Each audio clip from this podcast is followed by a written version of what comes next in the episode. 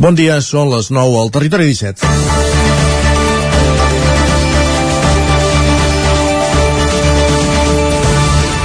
Alguns, encara il·lusos, confiàvem que els moviments estratègics de l'exèrcit rus a les zones frontereres amb Ucraïna, especialment a la regió del Donbass, es quedarien en això, en moviments. Però aquesta matinada el primer ministre rus, Vladimir Putin, ha anunciat un atac i les primeres bombes no s'han fet esperar. Putin ha explicat que l'objectiu és desmilitaritzar i desnazificar Ucraïna després de la guerra del 2014 entre milicians, amb milicians prorussos. L'estratègia de Putin passa per encerclar Ucraïna i deixar-la sense comunicació a l'exterior. A les l'espera de la resposta de la comunitat internacional ja són molts els ucraïnesos que es dirigeixen cap a l'interior del país o a la frontera amb Polònia per fugir. L'ofensiva russa deixa en segon terme la crisi del PP que avui encara acapara portades. Torna a haver-hi en joc vides humanes arran de la geoestratègia política que tantes vegades repeteix el mateix patró. És dijous, 24 de febrer de 2022, un dijous llarder que s'ha llevat amb un anunci que no per esperat colpeix perquè era l'últim que volíem sentir.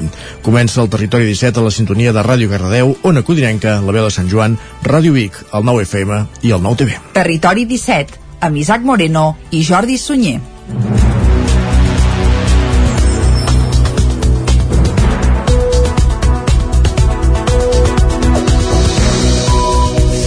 Passa un minut i mig de les 9 del matí d'avui dijous llarder i avui aquí a Territori 17 i farem incís els dijous llarder, Isaac, perquè entre d'altres coses ens desplaçarem fins a la plaça Major de Vic on ja s'està fent des de les 9 del matí el típic dijous llarder, botifarra menjaré típic, i... típic, típic, ben típic prepandèmic, perquè l'any passat es va fer una cosa de mínims sí, una versió exacta, sí, sí, sí, però aquest any amb el permís de la Covid Correcte. i evidentment sense mascareta perquè per engolir botifarres és millor treure-se-la doncs cap a menjar uh, coques de llardons i botifarra i el que faci falta. I com molt bé deies, començava ara a les 9 del matí amb aquest primer reconeixement als 20 anys d'Osona Cuina, diguéssim mm -hmm. que que se celebra per, per començar aquest dijous llarder, que de fet és l'activitat que promou, la principal activitat que promou aquest col·lectiu de cuiners a, a la comarca d'Osona. Doncs va, encetem el programa felicitant uh, Osona Cuina per aquestes dues dècades d'activitat i ja us avancem que de seguida el que farem és acostar-vos l'actualitat de casa nostra, de les nostres comarques, començant evidentment pel dijous llarder. Després, a partir de les 10, més informació i anirem cap a l'entrevista. Avui anirem fins a Ràdio Televisió Cardeu per conèixer un llibre, una experiència solidària d'un d'un malalt d'ELA que explica mm. la seva experiència a través d'un llibre i que no és Juan Carlos Unzué el que ahir era Vic, per cert exacte, Unzué. però no parlarem amb Unzué sinó amb un altre llibre en la mateixa línia que es presentava diumenge a Cardedeu doncs tots els detalls a l'entrevista tot seguit a dos quarts d'onze arribaran les piulades passarem per les portades taula de redacció i anirem en directe el dijous llarder, eh? Exacte, oi? la taula de redacció avui la farem des de la plaça Major de Vic per conèixer tots els detalls sota l'evolució d'aquesta festa, com, deia, com deies ja, prou genuïna a la plaça Major de Vic.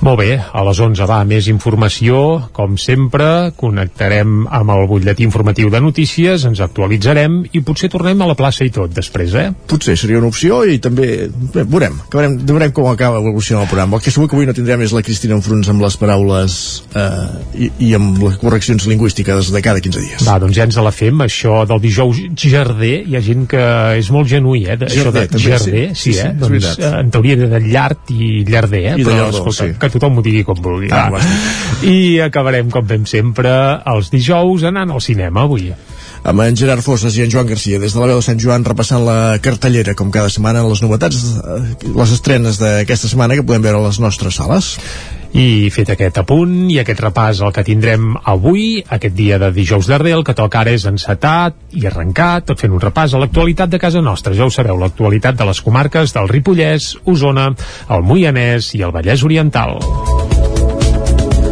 Doncs tal com us avançàvem, Osona Cuina commemora avui el dijous llarder a la plaça Major de Vic, la vintena edició d'aquesta festa. Fa tres anys i mig van celebrar el 20è aniversari del col·lectiu amb el relleu d'alguns dels membres històrics. Ara, a Osona Cuina li toca celebrar la vintena edició d'un dels bucs insígnia de la seva projecció, el dijous llarder. Ho faran, bé, de fet ja ho estan fent, retornant a l'escenari habitual, la plaça Major de Vic, després que l'any passat protagonitzessin una edició de resistència reubicada a l'exterior del recinte firal del Sucre.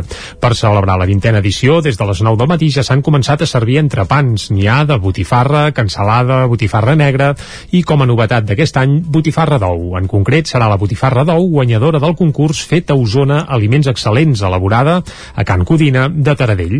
A partir de la una del migdia s'hi afegirà el clàssic entrepà del porc ral de Vinyó, rostit en directe a les graelles gegants que hi ha instal·lades a la plaça des d'aquesta nit. Tampoc hi faltaran els canelons de l'Escola d'Hostaleria d'Osona ni l'arròs. Les postres també tindran un paper destacat en guany i aniran a càrrec del nou col·lectiu Taula Dolça de l'Associació de Pastissers d'Osona. Pel que fa al tradicional concurs de truites, canvia de format.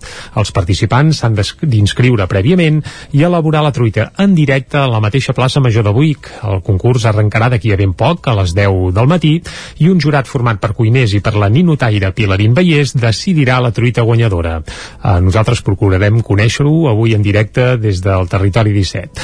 Osona Cuina aposta d'aquesta manera per mantenir viva aquesta cita i preservar i potenciar les festes populars i alhora fer d'aquesta comarca un dels referents gastronòmics del país.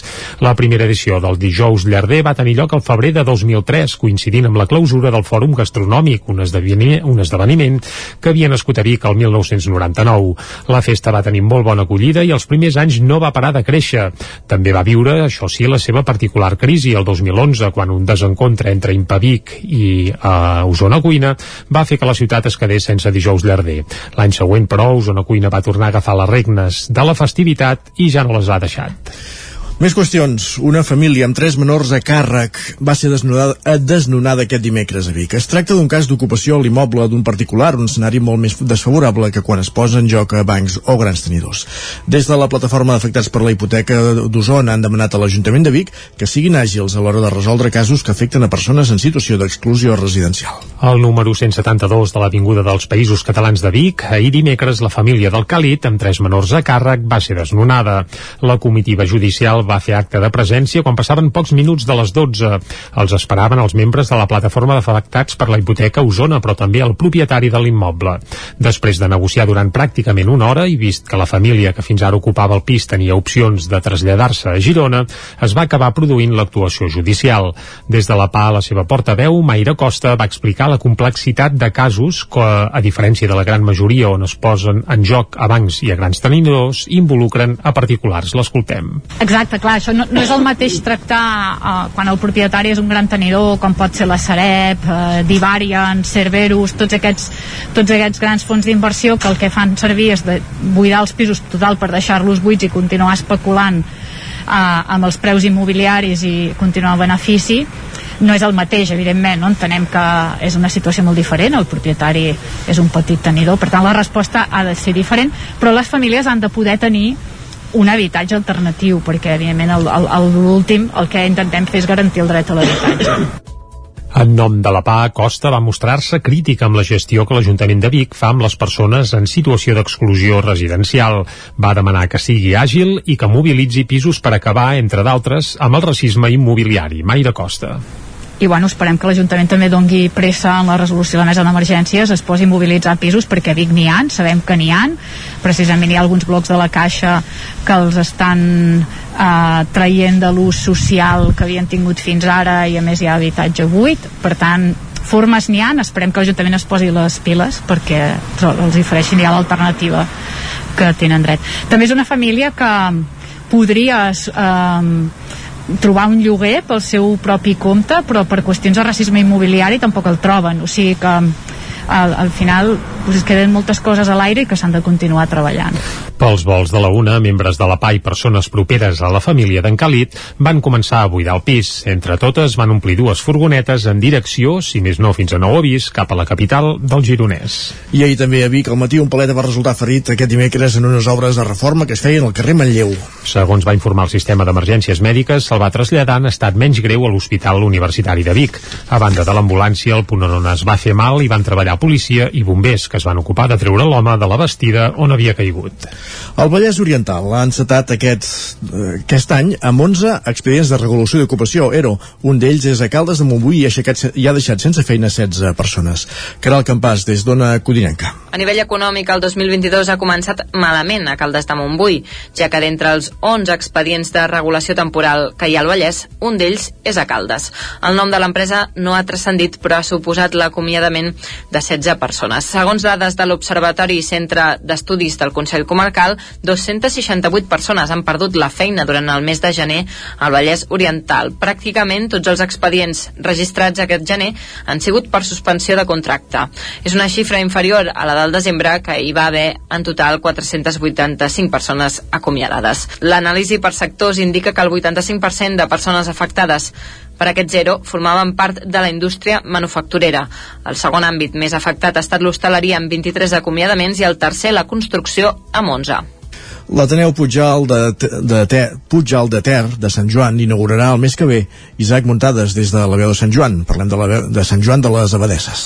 Isaac. L'Ateneu Puigjal de Ter és el nom que han escollit les persones que volen impulsar aquesta associació a Sant Joan de les Abadeses. Ara farà uns 5 mesos es van fer una sèrie de propostes i aquesta va ser la més votada. Al principi l'Ateneu només comptava amb 5 o 6 persones d'un perfil més aviat jove, però en els últims dos mesos han passat a ser una vintena. La persona més jove de l'associació té 17 anys i la més gran 40 40, tot i que l'objectiu és créixer encara més per ser el més plural possible i aglutinar diverses formes de pensar perquè l'associació s'enriqueixi. Adrià Roca, un dels impulsors de la iniciativa, detalla què és un Ateneu i per què ha de servir. No deixa de ser un, un espai, o volem construir un espai on tant donar suport a les entitats del poble com per construir o per dur a terme iniciatives que a vegades crear específicament una entitat per una iniciativa doncs, no acaba de, de tenir molt sentit o que a vegades fins i tot doncs, hi ha gent que té certes propostes i que està sola i que no acaba de saber com fer-ho. L'Ateneu doncs, donaria cobertura a tot aquest tipus d'iniciatives amb l'objectiu doncs, final d'enfortir l'alt teixit associatiu de Sant Joan. L'Ateneu Puigjal de Ter no s'ha associat a cap partit polític perquè vol ser un projecte transversal, però sí que s'ha marcat tres principis bàsics i es defineixen com a feministes, antifeixistes i antiracistes. La idea és que els socis hagin de pagar una quota que s'establirà en funció del local que aconsegueixin llogar, ja que estan tenint dificultats per trobar una ubicació. De totes maneres, ningú es quedarà fora per una qüestió econòmica i estan treballant en un parell de quotes per ser més flexibles i adaptar-se. Roca comenta que ja tenen una llista molt llarga d'activitats a fer, però que caldrà madurar-la i n'ha posat algun exemple. El mes que ve, tot i que encara no tenim data definitiva, doncs ens agradaria organitzar algun tipus de dinar popular, una calçotada, no només per presentar l'Ateneu, sinó també per, per començar a arrencar iniciatives d'aquest tipus. A vegades pensem sempre només en activitats relacionades molt amb l'oci, amb, amb concerts, però també ens agradaria acollir doncs, tipus de formació. Han sortit doncs, també idees relacionades amb fer intercanvis d'idiomes, buscar gent doncs, que parli diversos idiomes al poble i fer intercanvis. També tenen previst previst una xerrada informativa sobre els Jocs Olímpics d'hivern del 2030 perquè la gent pugui tenir-ne una opinió que no sigui només la dels mitjans de comunicació. Per això portaran tres o quatre persones especialitzades en diversos camps.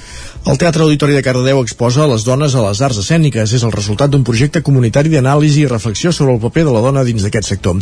Núria Lázaro, des de Ràdio Televisió Cardedeu. El vestíbul del Teatre Auditori Cardedeu acull aquests dies l'exposició Les dones a les arts escèniques. Es tracta del resultat d'un projecte comunitari impulsat per Escena Gran dins el programa Coenzims, en el qual hi han participat 25 dones de la comarca del Vallès Oriental que treballen en el món de les arts escèniques escèniques.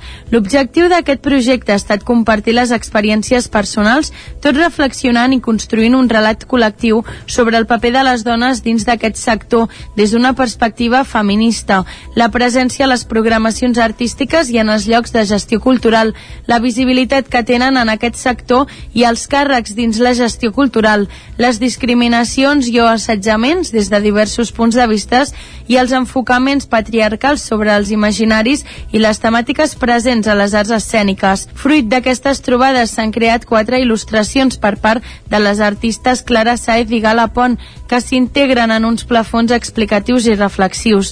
Diverses professionals del Cens Cultural de Cardedeu hi han participat, com la Mireia Xalamang, creadora escènica i actriu, la Caral Albinyana, actriu, cantant i formadora d'actors, i l'Olga Vinyals, actriu, directora i gestora cultural. La mostra es podrà veure coincidint amb els dies d'espectacle al TAC des d'una hora abans que comenci fins al 6 de març. I tornant al dijous Jordi, també us explicava avui que Francesc Colom, de la carnisseria Colom Vila de Manlleu, ha guanyat el premi del setè concurs nacional de botifarra d'ou artesana en la categoria de propostes singulars. Les carnisseries d'Osona continuen exhibint tot el seu potencial a través d'un idili particular amb el concurs nacional de botifarra d'ou artesana.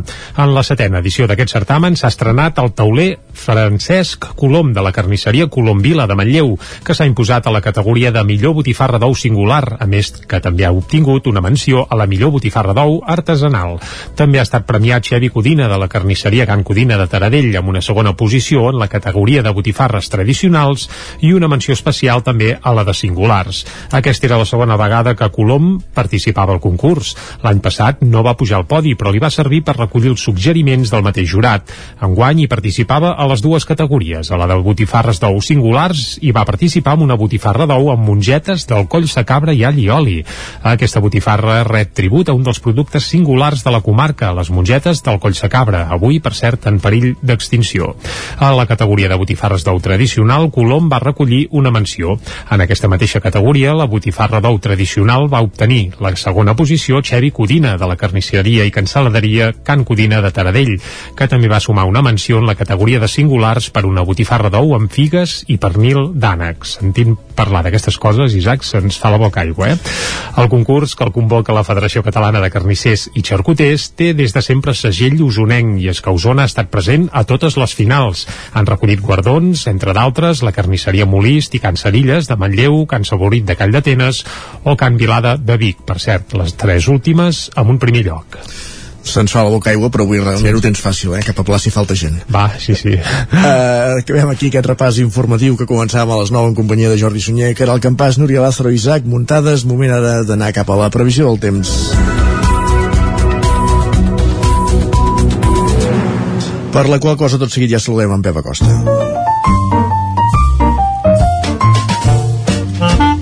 Casa Terradellos us ofereix el temps. Un Pep Acosta que pel que fa al temps està avorridot, però bé, sempre és un plaer tenir-lo aquí a Territori 17, ni que sigui per dir-nos que, que farà el mateix temps que, que feia ahir, però vaja. Uh, però, Pep... no, però potser no el mateix que demà, veurem. Ah, això, això, aviam, aviam, va. Pep, molt bon dia i anem-hi, va. Hola, molt bon dia. I molt bona hora. Benvinguts a l'Espai del Temps. Gràcies. Què tal esteu? Avui dia 24 ja de, de febrer mm. d'aquest 2022 eh, dia històric per a aconteixements que estan passant arreu del món mm. sobretot a Europa en negatiu que però sí torna a tenir un conflicte armat molts anys després però pel que fa al temps no serà un dia històric eh, ni molt menys Bueno, poder sí, eh, perquè aquesta sequera també comença a ser bastant històrica. I tant. I és que mm, jo ja no sé ja no sé què dir, eh?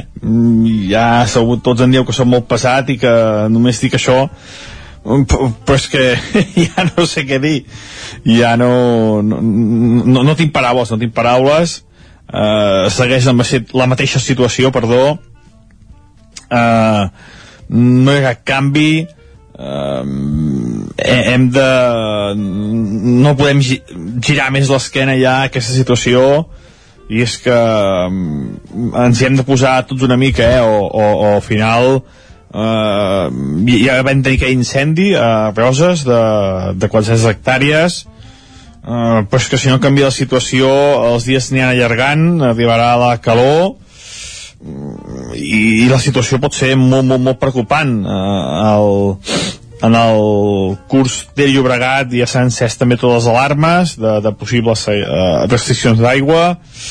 Mm, s'ha de fer una cosa s'ha de fer una cosa i ens hi hem de posar tots i no, no, no podem fer com si res i, i, i ens hi hem de posar ja però ja, eh? no, no, no, no d'aquí 5 minuts sinó ens hi hem de posar uh, ja.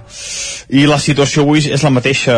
La nit no ha sigut molt freda Uh, hi ha algun núvol més, hi ha algun núvol més degut un front molt, molt, molt petit que ens està creuant, però és molt petit, molt poca cosa, i ens deixarà molt poques conseqüències. Les temperatures màximes molt semblants a les d'ahir, i com deia, una mica més de núvols, i, i molt poca cosa més a destacar. És que no, no, no tindrem gairebé cap incidència meteorològica, només una mica de vent als cims dels Pirineus, i també una mica de vent als cims del Peritoral, però molt poca cosa, entre 40 i 50 km per hora. I això és tot, a disfrutar el dia d'avui, disfrutar d'aquest ambient anticiclònic, i, i, i és el que tindrem avui i també els pròxims dies. No hi ha indicis de puja, de moment, per enlloc.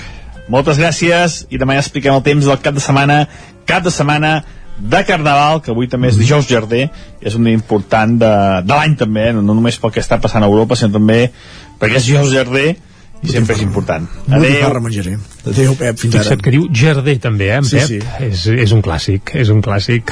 doncs va, tanquem el bloc meteorològic. Són conceptes d'antes que dirien els arribar i ploure, també. que per cert eh, s'estrenen aquest cap de setmana finalment, eh, que van haver d'ajornar l'estrena exacta per culpa de, de la Covid precisament, però aquest dissabte sí que aterraran Ja si plou, a també. Manlleu. Bé, ja us veurà, espero que els hi ploguin aplaudiments, que sempre, sempre està bé. És sota cobert, eh, per cert. Perfecte. Va, anem cap a les Sí, portades. ja se sap Sí, que amb les obres noves què passa a vegades, eh? que també hi ha hagut de goters. En fi. Bé, bé, bé. Va. És a l'Espai Rossinyol, eh? Ah, és l'Espai Rossinyol, sí, pensava sí, que sí, el teatre. Sí, sí, no, no, és a l'Espai Rossinyol. Abans Teatre Centre, ara Teatre Municipal de Manlleu. També, Ah, exacte. Doncs a l'Espai Rossinyol hi hem anat uns quants dies i alguns fins i tot plovent. I no és a dir, que va, vol dir que hi vam anar fa molt temps i no hem vist mai cap gotera. Va, va sense cap goteres, quiosc. anem cap al quiosc, vinga. Casa Tarradellas us ha ofert aquest espai. Territori 17. Envia'ns les teves notes de veu per WhatsApp al 646 079 023. 646 079 023. WhatsApp Territori 17.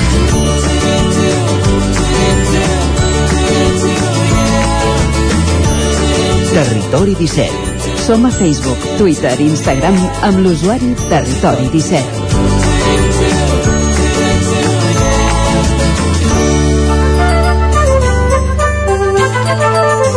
Doncs vinga, anem al quiosc i tenint en compte que l'anunci de Putin arribava Sí, a les 4 de la matinada, dubto que ho reculli cap portada avui. Correcte, avui és el típic dia que les portades caduquen just sortir del quiosc. Clar, Putin ha aparegut a les 4 de la matinada, hora catalana, per anunciar, bé, ras i curt, que iniciava les hostilitats contra Ucraïna, i les portades, doncs clar, encara estaven amb Casado, eh, tot i que Ucraïna també hi apareix. S'havia acabat a les 4 de la matinada la reunió de, del carrer Gènova o no? Mm. Entenem que sí, no? Eh, sí, en principi se suposa que sí i així ho indiquen a la portada del punt avui, per exemple, que diuen Casado claudica. El líder del PP abandona el Congrés i pacta la dimissió amb els barons. Això s'apunta a la portada del punt avui, on la fotografia és per l'ambient de preguerra a Ucraïna. Bé, l'ambient de preguerra era ahir a la nit, ara ja sembla que l'ambient malauradament és de guerra a ras i curt. També a la portada del punt avui, un estudi científic suposa el parc eòlic de Roses. Hi havia un parc eòlic per instal·lar molins de vent a la badia de Roses, a dins del mar, com, vaja, com hem vist ja d'altres indrets, però sembla que hi ha un estudi científic que ho desaconsellaria. Anem cap a l'ara.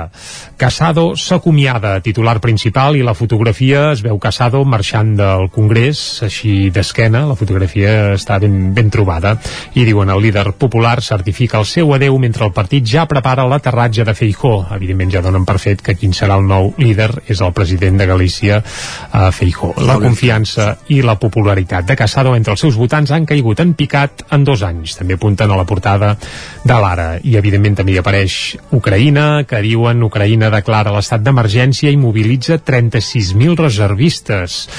Uh, bé, mm, avui ja, si estan mobilitzats, pot ser que malauradament se'ls hi giri feina. També alerten que els incendis forestals extrems es dispararan. Això apareix també a la portada del punt, uh, ai, perdó, de l'Ara. I un altre punt que en l'àmbit cultural a mi em sembla molt rellevant i és que Barcelona compartirà el Primavera Sound amb Madrid. A mi em fa gràcia els que ho volen vendre com una cosa positiva, dius, home. Sí, no, no, clar, emportar-se mig Primavera Sound, un dels pocs festivals de renom eh, internacional de veritat que es fan a, a casa nostra, doncs bé, ara també es farà a Madrid. Ja veurem què acaba passant, però és evident que aquí a les misses, i qui diu les misses diu els calés, hi deuen haver jugat un paper molt important, i a Madrid se'l volien quedar sencer, de moment es compartirà Bueno, i també- aquesta edició entre Barcelona i Madrid. Hi havia diferències entre organització i Ajuntament de Barcelona. Sí, eh, ja fa un parell d'anys que cosa. que, sí, sí, que no, no hi ha gaire bon rotllo, clar, fins ara s'havia, entre cometes, tan tapat una mica tot plegat amb la crisi de la Covid i amb unes cancel·lacions gairebé, diguem que obligades, però clar, en teoria a partir d'ara ja s'hi voldria fer un primavera convencional i bé, uh, de moment el que hi haurà és dos primaveres, una a Barcelona i una a Madrid. Anem al periòdico, va. Hisenda debat un mínim comú pel patrimoni. Espanya discuteix la reforma dels impostos. Aquest és el titular principal del periòdico. La fotografia per això és per Casado deixant el, abandonant el Congrés espanyol i diuen el relleu de Casado per Feijó s'executarà a càmera lenta. Eh, això ja pronostic, pronostiquen a la portada del periòdico. Amb un raconet també Ucraïna es prepara per la guerra i aprova l'estat d'excepció. això a la portada del periòdico. Anem a l'avantguàrdia. Càmera lenta ho diuen perquè semblaria que la cosa s'acabarà executant al Congrés del, del mes d'abril, vull dir que li deixaran acabar aquest mes de març a Casado encara com a president del partit. Ah, exacte. A l'avantguàrdia, Casado cedeix a la pressió dels barons i s'acomiada del Congrés. A la fotografia també se'l veu d'esquena i també marxant, una fotografia molt similar a la de l'ara, tot i que no és la mateixa. També Madrid compartirà amb Barcelona el Primavera Sound 2023. També apunten a la portada de l'avantguàrdia aquest, aquest canvi en aquest festival i mobilització general i estat d'emergència a Ucraïna. Això a la portada de l'avantguàrdia. Anem ara cap a les portades que s'editen des de l'estat espanyol, des de Madrid. Comencem pel país. Els barons del PP aclamen a Feijó com a relleu de Casado i a la fotografia és curiós perquè a les portades catalanes totes apareixia fotografia de Casado d'esquena marxant, el país és de cara veu? és, han agafat l'angle invers el fotògraf que de cara, interpreti, sí. que interpreti el que vulgui uh, i uh, també apareix Josep Borrell que és el representant de política ex exterior de la Unió Europea per tant poca broma amb el seu càrrec ara mateix i una entrevista que obrim cometes diuen a mig plaç no seguirem comprant el gas a Rússia bé, ja Haurem de m'agradaria buscar veure mercats alternatius i no sé si en trobarem gaires, eh? Bé, l'estat espanyol tira molt del nord d'Àfrica, però, clar, al centre d'Europa pràcticament monopolitzen el gas rus, començant per Alemanya, que és el principal consumidor. Uh -huh. I, Ah, I d'aquí que pugin els preus. Exacte. Anem a la portada del Mundo ara. Els barons demanen a Casado per unanimitat via lliure per Feijó i també Casado deixant el Congrés, eh, amb aquestes fotografies que hi ha, hi ha una mica tot arreu. També Casado es va inventar un altre expedient contra Ayuso per aferrar-se al càrrec. Es va inventar textual, eh? Uh, això apunten a la portada del Mundo, que evidentment Com si no? diuen això vol dir que es compren més cap a Ayuso que no pas cap a Casado, si és que algun tenia algun dubte. No a l'ABC, els barons exigeixen a Casado que deixi pas a Feijó i aquí a la fotografia curiosament no hi ha Casado sinó que hi ha Feijó i hi ha com si arribés eh? allò Sí, de cara i xinutxano i entrant A la seu del carrer Gènova, sí. Uh, exacte. Montero garantitza l'avortament express des dels 16 anys a tots els hospitals públics. Un altre apunt a la portada de l'ABC que sembla que no els hi fa gaire gràcia. I acabem fent un cop d'ull a la Razón. Els barons tenquen files amb Feijó i demanen a Casado que se'n vagi ja. I aquest que se'n vagi ja, entre cometes. També Doncs, la Unió Europea uh, colpeja la cúpula de Putin per la incursió a Ucraïna.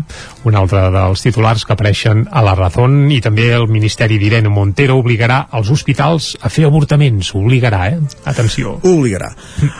Doncs a nosaltres el que ens obliga a la publicitat és a fer una pausa. Tornem en 3 minuts.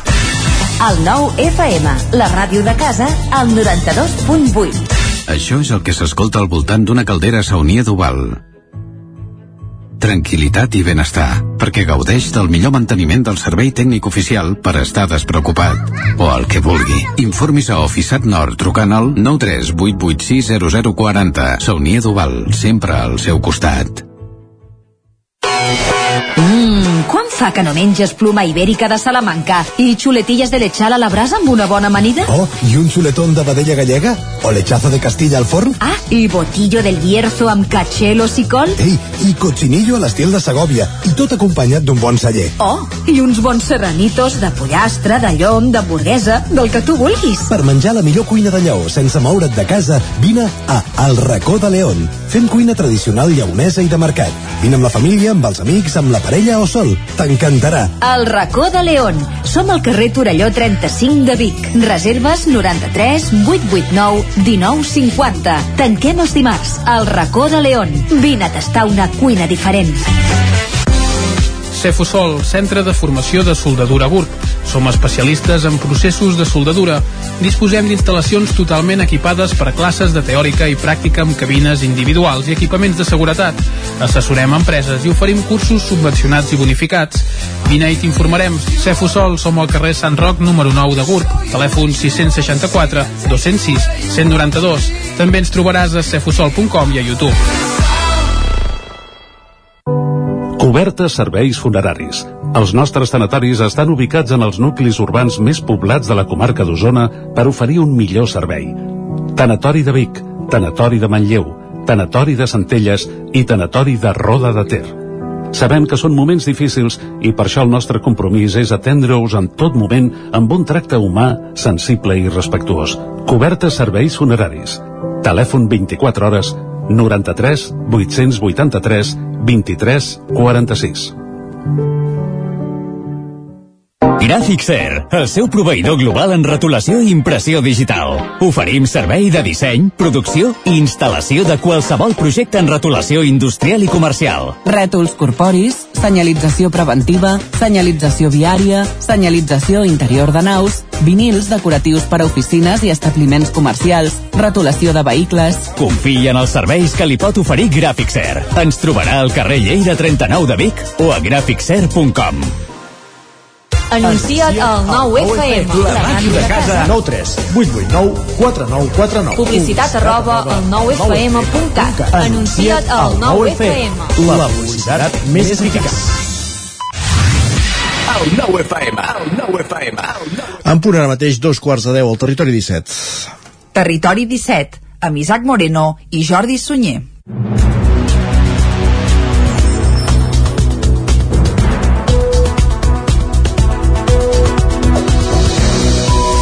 I a dos quarts de deu en punt, el que tocarà de seguida és acostar-vos, com fem sempre, de nou tota l'actualitat de les nostres comarques. Però ja us avancem un pèl tot el menú que tindrem, i parlem de menú perquè avui hi posarem molta gastronomia, doncs tot el menú que tindrem fins al punt de les 12 del migdia. Abans d'arribar a les 10, música. I avui, Isaac, uh, un grup que no és del territori 17, eh? Carai. Guns N' Roses. Ostres. I per què escoltarem Guns N' Roses? Bé, no els escoltarem amb ells, eh? escoltarem algú que els versiona i ho fa en català perquè resulta que aquest dissabte uh, hi haurà un grup de tribut a Guns N' Roses que els imita i que actuarà a la Cabra de Vic. Doncs per celebrar-ho o per anar esmolant les eines, doncs els escoltarem una mica. No, no dissabte, sinó divendres. Divendres a la nit, demà a la nit serà Molt això.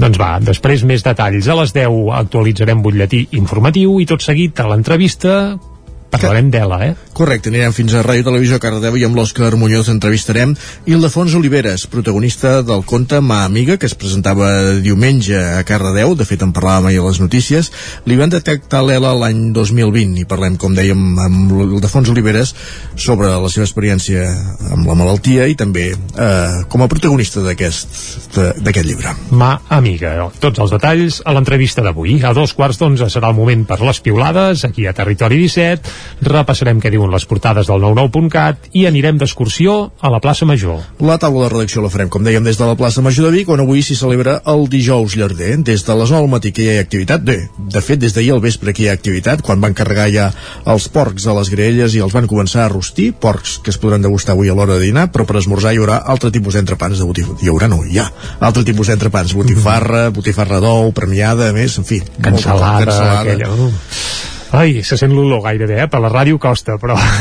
Sap greu, però és una festa no apta per vegans. Bé, exacte, això també és cert. A les 11 va, actualitzarem el butlletí informatiu i tot seguit, possiblement, Tornarem a la plaça. tornarem a la plaça, i tant que sí. I després, a la darrera hora... Però passarem també per la plaça econòmica, eh? la plaça que fem cada setmana amb Ràdio Televisió Cardedeu i 11.cat. Això Ah, serà abans de les notícies de les 11. Avui hi ha moltes places al territori Moltes 17. places, sí, aquesta, que no ens la deixem, que no ens la deixem. I a la part final del territori 17, on també anirem, com que som dijous, és al cinema. Amb en Joan Garcia i en Gerard Foses, després de repassar la crònica diària de l'R3 amb l'Isaac Muntades, doncs amb ells la cartellera cinematogràfica, les estrenes de la setmana a les nostres sales. I un cop fet tot el repàs el que ens queda des d'ara i fins a les 12 del migdia, el que toca és acostar-vos, com sempre, de nou tota l'actualitat de casa nostra. Ja ho sabeu, l'actualitat de les comarques del Vallès Oriental, el Moianès, Osona i el Ripollès. Doncs tal com us avançàvem, Osona Cuina commemora avui el dijous llarder a la plaça Major de Vic la vintena edició d'aquesta festa. Fa tres anys i mig van celebrar el 20è aniversari del col·lectiu amb el relleu d'alguns dels membres històrics. Ara, a Osona Cuina li toca celebrar la vintena edició d'un dels bucs insígnia de la seva projecció, el dijous llarder. Ho faran, bé de fet ja ho estan fent, retornant a l'escenari habitual, la plaça Major de Vic, després que l'any passat protagonitzessin una edició de resistència reubicada a l'exterior del recinte firal del Sucre. Per celebrar la vintena edició, des de les 9 del matí ja s'han començat a servir entrepans. N'hi ha de botifarra, cansalada, botifarra negra i com a novetat d'aquest any, botifarra d'ou. En concret, serà la botifarra d'ou guanyadora del concurs fet a Osona Aliments Excel·lents, elaborada a Can Codina de Taradell. A partir de la una del migdia s'hi afegirà el clàssic entrepà del porc ral d'Avinyó, rostit en directe a les graelles gegants que hi ha instal·lades a la plaça des d'aquesta nit. Tampoc hi faltaran els canelons de l'Escola d'Hostaleria d'Osona ni l'arròs. Les postres també tindran un paper destacat en guany i aniran a càrrec del nou col·lectiu Taula Dolça de l'Associació de Pastissers d'Osona d'Osona. Pel que fa al tradicional concurs de truites, canvia de format. Els participants s'han d'inscriure prèviament i elaborar la truita en directe a la mateixa plaça Major de Buic. El concurs arrencarà d'aquí a ben poc, a les 10 del matí, i un jurat format per cuiners i per la ninotaire Pilarín Vallès decidirà la truita guanyadora. Eh, nosaltres procurarem conèixer-ho avui en directe des del territori 17. Osona Cuina aposta d'aquesta manera per mantenir viva aquesta cita i preservar i potenciar les festes populars i alhora fer d'aquesta comarca un dels referents gastronòmics del país. La primera edició del dijous llarder va tenir lloc al febrer de 2003, coincidint amb la clausura del Fòrum Gastronòmic, un, un esdeveniment que havia nascut a Vic el 1999. La festa va tenir molt bona acollida i els primers anys no va parar de créixer. També va viure, això sí, la seva particular crisi el 2011, quan un desencontre entre Impavic i uh, Osona Cuina va fer que la ciutat es quedés sense dijous llarder. L'any següent, però, Osona Cuina va tornar a agafar les regnes de la festivitat i ja no les ha deixat. Més qüestions. Una família amb tres menors a càrrec va ser desnonada, eh, desnonada aquest dimecres a Vic. Es tracta d'un cas d'ocupació a l'immoble d'un particular, un escenari molt més desfavorable que quan es posa en joc a bancs o grans tenidors. Des de la plataforma d'afectats per la hipoteca d'Osona han demanat a l'Ajuntament de Vic que siguin àgils a l'hora de resoldre casos que afecten a persones en situació d'exclusió residencial. El número 172 de l'Avinguda dels Països Catalans de Vic, ahir dimecres la família del Calit, amb tres menors a càrrec, va ser desnonada. La comitiva judicial va fer acte de presència quan passaven pocs minuts de les 12. Els esperaven els membres de la plataforma d'afectats per la hipoteca Osona, però també el propietari de l'immoble. Després de negociar durant pràcticament una hora i vist que la família que fins ara ocupava el pis tenia opcions de traslladar-se a Girona, es va acabar produint l'actuació judicial. Des de la PA, la seva portaveu, Mayra Costa, va explicar la complexitat de casos que, a diferència de la gran majoria on es posen en joc a bancs i a grans tenidors, involucren a particulars. L'escoltem. Exacte, clar, això no, no és el mateix tractar uh, quan el propietari és un gran tenidor, com pot ser la Sareb, uh, Divarian, Cerberus, tots aquests, tots aquests grans fons d'inversió que el que fan servir és de buidar els pisos total per deixar-los buits i continuar especulant uh, amb els preus immobiliaris i continuar el benefici no és el mateix, evidentment, no? entenem que és una situació molt diferent, el propietari és un petit tenidor, per tant la resposta ha de ser diferent, però les famílies han de poder tenir un habitatge alternatiu, perquè evidentment l'últim el que intentem fer és garantir el dret a l'habitatge. En nom de la PA, Costa va mostrar-se crítica amb la gestió que l'Ajuntament de Vic fa amb les persones en situació d'exclusió residencial. Va demanar que sigui àgil i que mobilitzi pisos per acabar, entre d'altres, amb el racisme immobiliari. Maire Costa i bueno, esperem que l'Ajuntament també dongui pressa en la resolució de la mesa d'emergències, es posi a mobilitzar pisos perquè a Vic n'hi ha, sabem que n'hi ha precisament hi ha alguns blocs de la Caixa que els estan eh, traient de l'ús social que havien tingut fins ara i a més hi ha habitatge buit, per tant formes n'hi ha, esperem que l'Ajuntament es posi les piles perquè els ofereixin ja l'alternativa que tenen dret. També és una família que podries eh, trobar un lloguer pel seu propi compte però per qüestions de racisme immobiliari tampoc el troben, o sigui que al, al final pues, queden moltes coses a l'aire i que s'han de continuar treballant. Pels vols de la UNA, membres de la PA i persones properes a la família d'en Calit van començar a buidar el pis. Entre totes van omplir dues furgonetes en direcció, si més no fins a nou avís, cap a la capital del Gironès. I ahir també a Vic al matí un paleta va resultar ferit aquest dimecres en unes obres de reforma que es feien al carrer Manlleu. Segons va informar el sistema d'emergències mèdiques, se'l va traslladar en estat menys greu a l'Hospital Universitari de Vic. A banda de l'ambulància, el punt on es va fer mal i van treballar policia i bombers que es van ocupar de treure l'home de la vestida on havia caigut. El Vallès Oriental ha encetat aquest, eh, aquest any amb 11 expedients de regulació d'ocupació ERO. Un d'ells és a Caldes de Montbui i, aixecat, i ha deixat sense feina 16 persones. Caral Campàs, des d'Ona Codinenca. A nivell econòmic, el 2022 ha començat malament a Caldes de Montbui, ja que d'entre els 11 expedients de regulació temporal que hi ha al Vallès, un d'ells és a Caldes. El nom de l'empresa no ha transcendit, però ha suposat l'acomiadament de 16 persones. Segons dades de l'Observatori Centre d'Estudis del Consell Comarcal, 268 persones han perdut la feina durant el mes de gener al Vallès Oriental. Pràcticament tots els expedients registrats aquest gener han sigut per suspensió de contracte.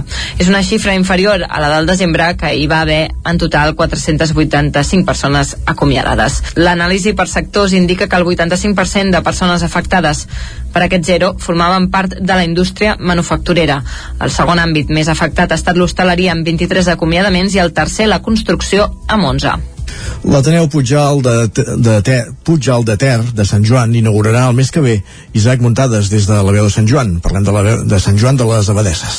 Isaac. L'Ateneu Puigjal de Ter és el nom que han escollit les persones que volen impulsar aquesta associació a Sant Joan de les Abadeses. Ara farà uns 5 mesos es van fer una sèrie de propostes i aquesta va ser la més votada. Al principi l'Ateneu només comptava amb 5 o 6 persones d'un perfil més aviat jove, però en els últims dos mesos han passat a ser una vintena. La persona més jove de l'associació té 17 anys i la més gran 40, tot i que l'objectiu és créixer encara més per ser el més plural possible i aglutinar diverses formes de pensar perquè l'associació s'enriqueixi. Adrià Roca, un dels impulsors de la iniciativa, detalla què és un Ateneu i per què ha de servir. No deixa de ser un, un espai, o volem construir un espai on tant donar suport a les entitats del poble com per construir o per dur a terme iniciatives que a vegades crear específicament una entitat per una iniciativa doncs, no acaba de, de tenir molt sentit o que a vegades fins i tot doncs, hi ha gent que té certes propostes i que està sola i que no acaba de saber com fer-ho.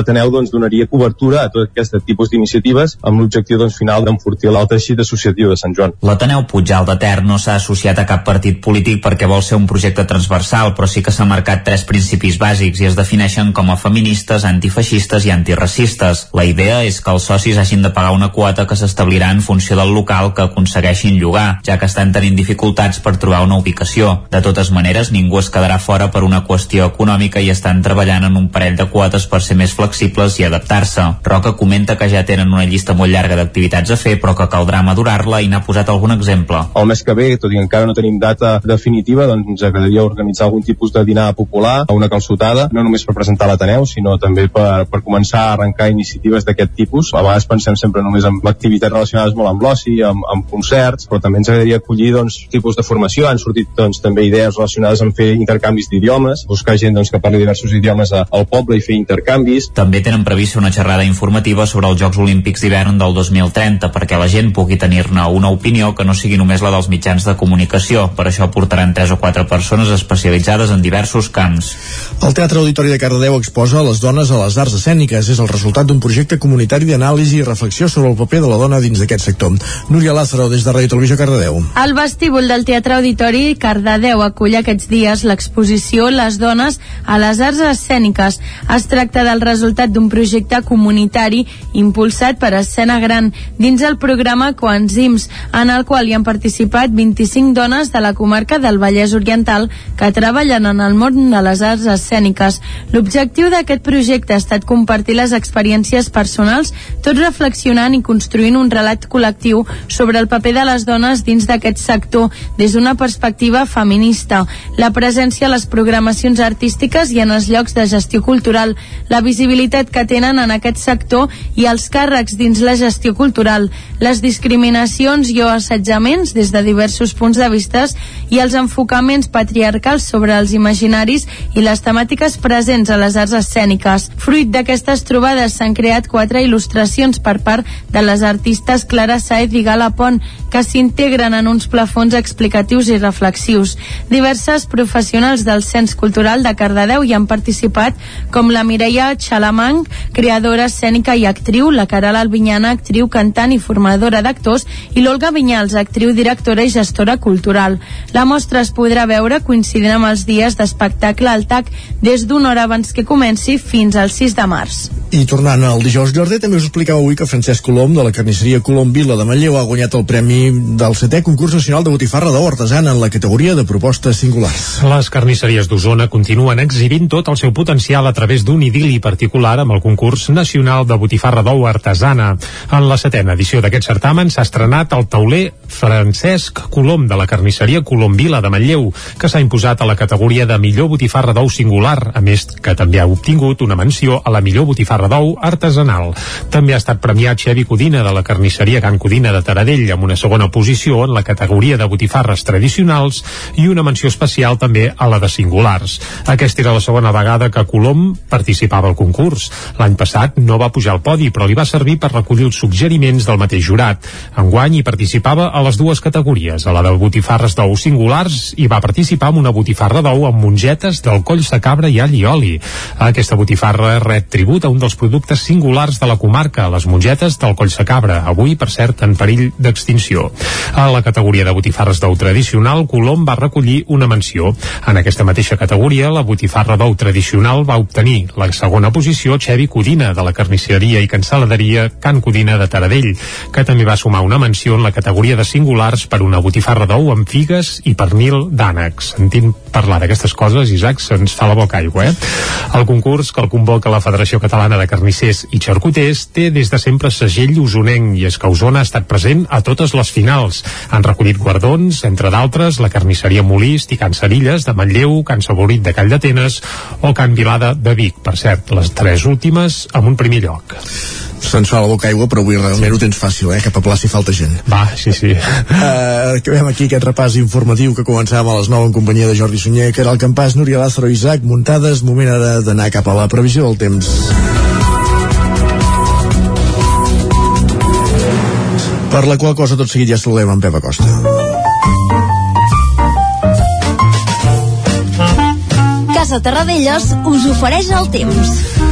Un Pep Acosta que pel que fa al temps està avorridot, però bé, sempre és un plaer tenir-lo aquí a Territori 17, ni que sigui per dir-nos que, que farà el mateix temps que, que feia ahir, però vaja. Uh, Però, no, però potser no el mateix que demà, veurem. Ah, això, això, aviam, aviam, va. Pep, molt bon dia i anem-hi, va. Hola, molt bon dia. I molt bona hora. Benvinguts a l'Espai del Temps. Gràcies. Què tal esteu?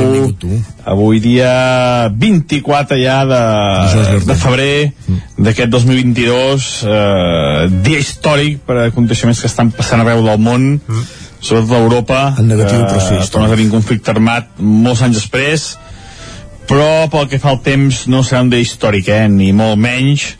Bueno, poder sí, eh, perquè aquesta sequera també comença a ser bastant històrica. I tant. I és que mm, jo ja no sé ja no sé què dir, eh? Mm, Ja segur tots en dieu que som molt passat i que només dic això mm, però és que ja no sé què dir ja no no, no, no tinc paraules no tinc paraules uh, segueix la, ma- la mateixa situació perdó uh, no hi ha cap canvi um, hem de no podem gi- girar més l'esquena ja a aquesta situació i és que ens hi hem de posar tots una mica eh, o, o, o al final uh, ja vam tenir aquell incendi a Roses de, de 400 hectàrees uh, però és que si no canvia la situació els dies aniran allargant arribarà la calor i, i la situació pot ser molt, molt, molt preocupant uh, el, en el curs de Llobregat ja s'han encès també totes les alarmes de, de possibles eh, restriccions d'aigua mm, s'ha de fer una cosa s'ha de fer una cosa i ens hi hem de posar tots i no, no, no podem fer com si res i, i, i ens hem de posar ja però ja, eh? no, no, no, no, d'aquí 5 minuts sinó ens hem de posar uh, ja i la situació avui és la mateixa la nit no ha sigut molt freda Uh, hi ha algun núvol més, hi ha algun núvol més degut d'un front molt, molt, molt petit que ens està creuant, però és molt petit, molt poca cosa, i ens deixarà molt poques conseqüències. Les temperatures màximes molt semblants a les d'ahir, i com deia, una mica més de núvols, i, i molt poca cosa més a destacar. És que no, no, no tindrem gairebé cap incidència meteorològica, només una mica de vent als cims dels Pirineus, i també una mica de vent als cims del Peritoral, però molt poca cosa, entre 40 i 50 km per hora. I això és tot, a disfrutar el dia d'avui, a disfrutar d'aquest ambient anticiclònic, i, i, i és el que tindrem avui i també els pròxims dies. No hi ha indicis de pluja de moment per enlloc. Moltes gràcies i demà ja expliquem el temps del cap de setmana, cap de setmana de Carnaval, que avui també és dijous Jardí, és un dia important de, de l'any també, no, no només pel que està passant a Europa, sinó també perquè és dijous Jardí i sempre és important. Botifarra menjaré. Adéu, Pep, fins ara. Fixa't que diu Jardí també, eh, en Sí, Pep? sí. És, és un clàssic, és un clàssic. doncs va, tanquem el bloc meteorològic. Són conceptes d'antes que dirien els arriba i ploure, també. que per cert eh, s'estrenen aquest cap de setmana finalment, eh, que van haver d'ajornar l'estrena exacta per culpa de, de la Covid precisament, però aquest dissabte sí que aterraran ja si plou, a Manlleu. Bé, ja us veurà, espero que els hi ploguin aplaudiments, que sempre, sempre està bé. És sota cobert, eh, per cert. Perfecte. Va, anem cap a les portades. ja se sap que amb les obres noves què passa a vegades, eh? Que també hi ha hagut de goters. En fi. Bé, bé, bé.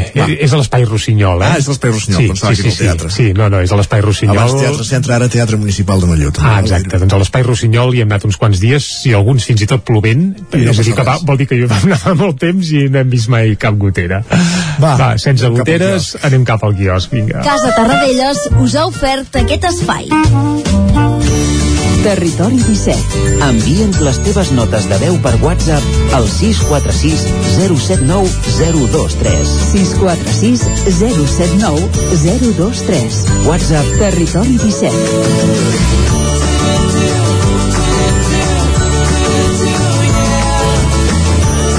Territori 17. Som a Facebook, Twitter i Instagram amb l'usuari Territori 17.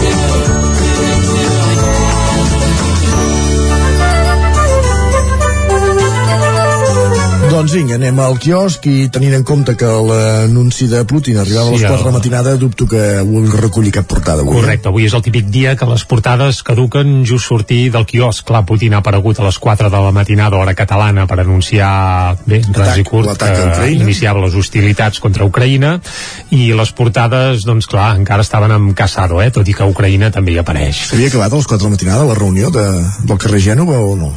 Entenem que sí, no? Eh, sí, en principi se suposa que sí i així ho indiquen a la portada del punt avui, per exemple, que diuen Casado claudica. El líder del PP abandona el Congrés i pacta la dimissió amb els barons. Això s'apunta a la portada del punt avui, on la fotografia és per l'ambient de preguerra a Ucraïna. Bé, l'ambient de preguerra era ahir a la nit, ara ja sembla que l'ambient malauradament és de guerra a ras i curt. També a la portada del punt avui, un estudi científic suposa el parc eòlic de Roses. Hi havia un parc eòlic per instal·lar molins de vent a la badia de Roses, a dins del mar, com, vaja, com hem vist ja d'altres indrets, però sembla que hi ha un estudi científic que ho desaconsellaria. Anem cap a l'ara. Casado s'acomiada, titular principal, i la fotografia es veu Casado marxant del Congrés, així d'esquena, la fotografia està ben, ben trobada, i diuen el líder popular certifica el seu adeu mentre el partit ja prepara l'aterratge de Feijó. Evidentment ja donen per fet que quin serà el nou líder és el president de Galícia, uh, Feijó. La confiança i la popularitat de Casado entre els seus votants han caigut en picat en dos anys. També apunten a la portada de l'Ara. I evidentment també hi apareix Ucraïna, que diuen Ucraïna declara l'estat d'emergència i mobilitza 36.000 reservistes. Uh, bé, mm, avui ja, si estan mobilitzats, pot ser que malauradament sols hi giri feina. També alerten que els incendis forestals extrems es dispararan. Això apareix també a la portada del punt, ah, ai, perdó, de l'Ara. I un altre punt que en l'àmbit cultural a mi em sembla molt rellevant i és que Barcelona compartirà el Primavera Sound amb Madrid.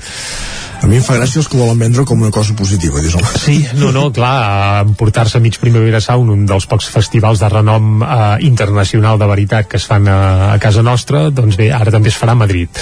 Ja veurem què acaba passant, però és evident que aquí les misses, si qui diu les misses diu els calés, hi deuen haver jugat un paper molt important i a Madrid se'l volien quedar sencer, de moment es compartirà bueno, aquesta edició entre Barcelona i Madrid. Hi havia diferències entre organització i Ajuntament de Barcelona. Sí, eh, ja fa un parell d'anys que ja que, sí, sí, que no, no hi ha gaire bon rotllo. Clar, fins ara s'havia, entre cometes, tan tapat una mica tot plegat amb la crisi de la Covid i amb unes cancel·lacions gairebé, diguem que obligades, però clar, en teoria a partir d'ara ja s'hi voldria fer un primavera convencional i bé, de moment el que hi haurà és dos primaveres, una a Barcelona i una a Madrid. Anem al periòdico, va.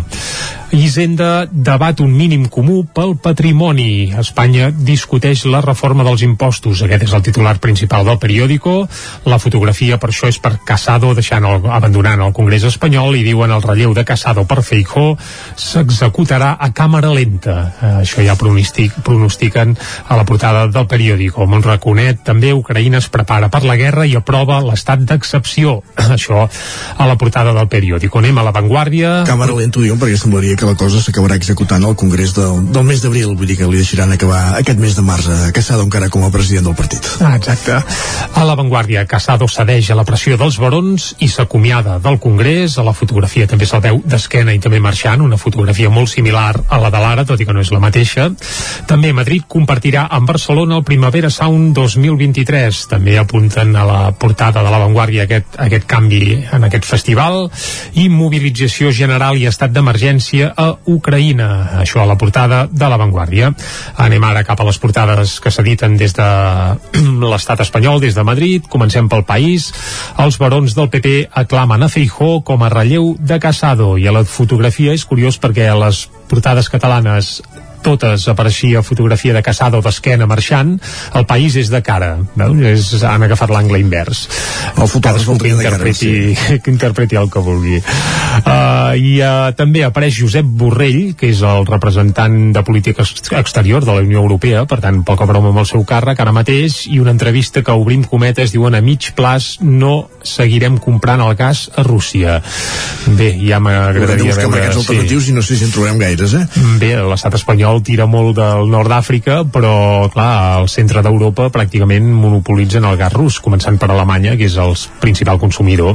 I, I d'aquí que pugin els preus. Exacte. Anem a la portada del Mundo ara. Els barons demanen a Casado per unanimitat via lliure per Feijó. I també Casado deixant el Congrés, eh, amb aquestes fotografies que hi ha, hi ha una mica tot arreu. També Casado es va inventar un altre expedient contra Ayuso per aferrar-se al càrrec. Es va inventar textual, eh? Uh, això apunten a la portada del Mundo, que evidentment si diuen això vol dir que es compren més cap a Ayuso que no pas cap a Casado, si és que algun tenia algun dubte. No a l'ABC, els barons exigeixen a Casado que deixi pas a Feijó i aquí a la fotografia curiosament no hi ha Casado sinó que hi ha Feijó i hi ha com si arribés eh? allò de cara i xinutano i entrant A la seu del carrer Gènova, sí. Uh, exacte. Montero garantitza l'avortament express des dels 16 anys a tots els hospitals públics. Un altre apunt a la portada de l'ABC que sembla que no els hi fa gaire gràcia. I acabem fent un cop d'ull a la Razón. Els barons tenquen files en Feijó i demanen a Casado que se'n vagi ja. I aquest que se'n vagi ja, entre cometes. També la Unió Europea uh, colpeja la cúpula de Putin per la incursió a Ucraïna.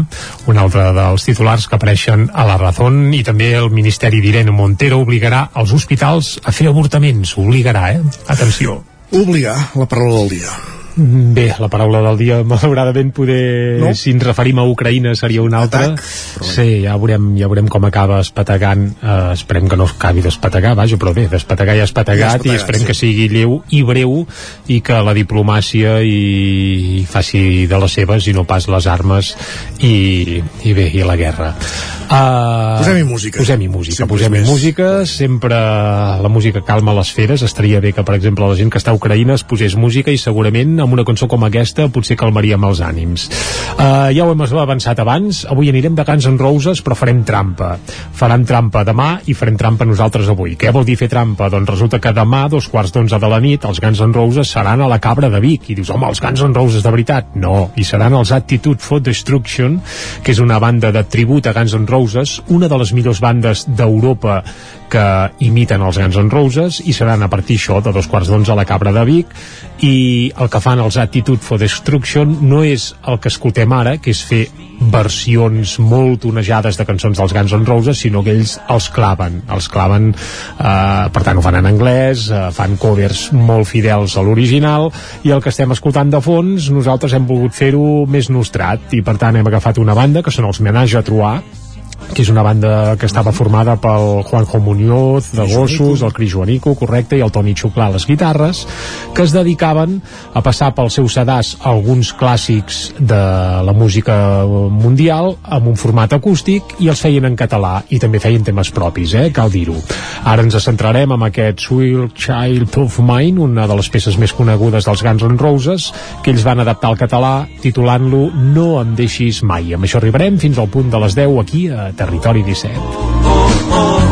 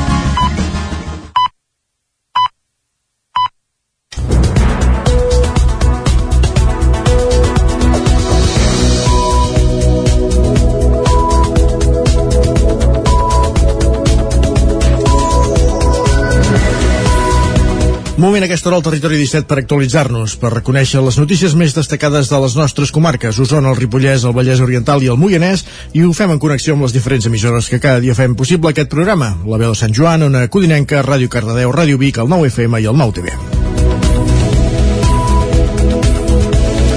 Quatre detinguts pel robatori en un bar de Sant Quirze de Besora. Els Mossos d'Esquadra els van atrapar després d'una persecució policial fins a Manlleu. Durant la matinada de dimarts, els Mossos d'Esquadra i la policia local de Manlleu van detenir quatre joves, un d'ells menor d'edat, com a presumptes autors del robatori a un bar de Sant Quirze de Besora.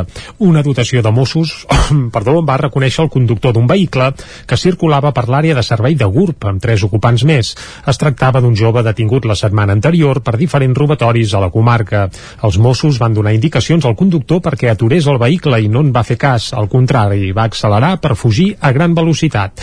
La persecució va seguir fins a Manlleu, on juntament amb la policia local van aconseguir detenir-los. Quan els agents van escorcollar el vehicle, van localitzar una càmera de videovigilància i un ordinador portàtil amagats en diferents compartiments. També hi havia eines, roba fosca i objectes susceptibles de ser emprats per cometre furts o robatoris. Després de diferents indagacions, els agents van esbrinar que tant l'ordinador portàtil com la càmera de videovigilància havien estat robats en un bar de Sant Quirze de Besora la nit anterior.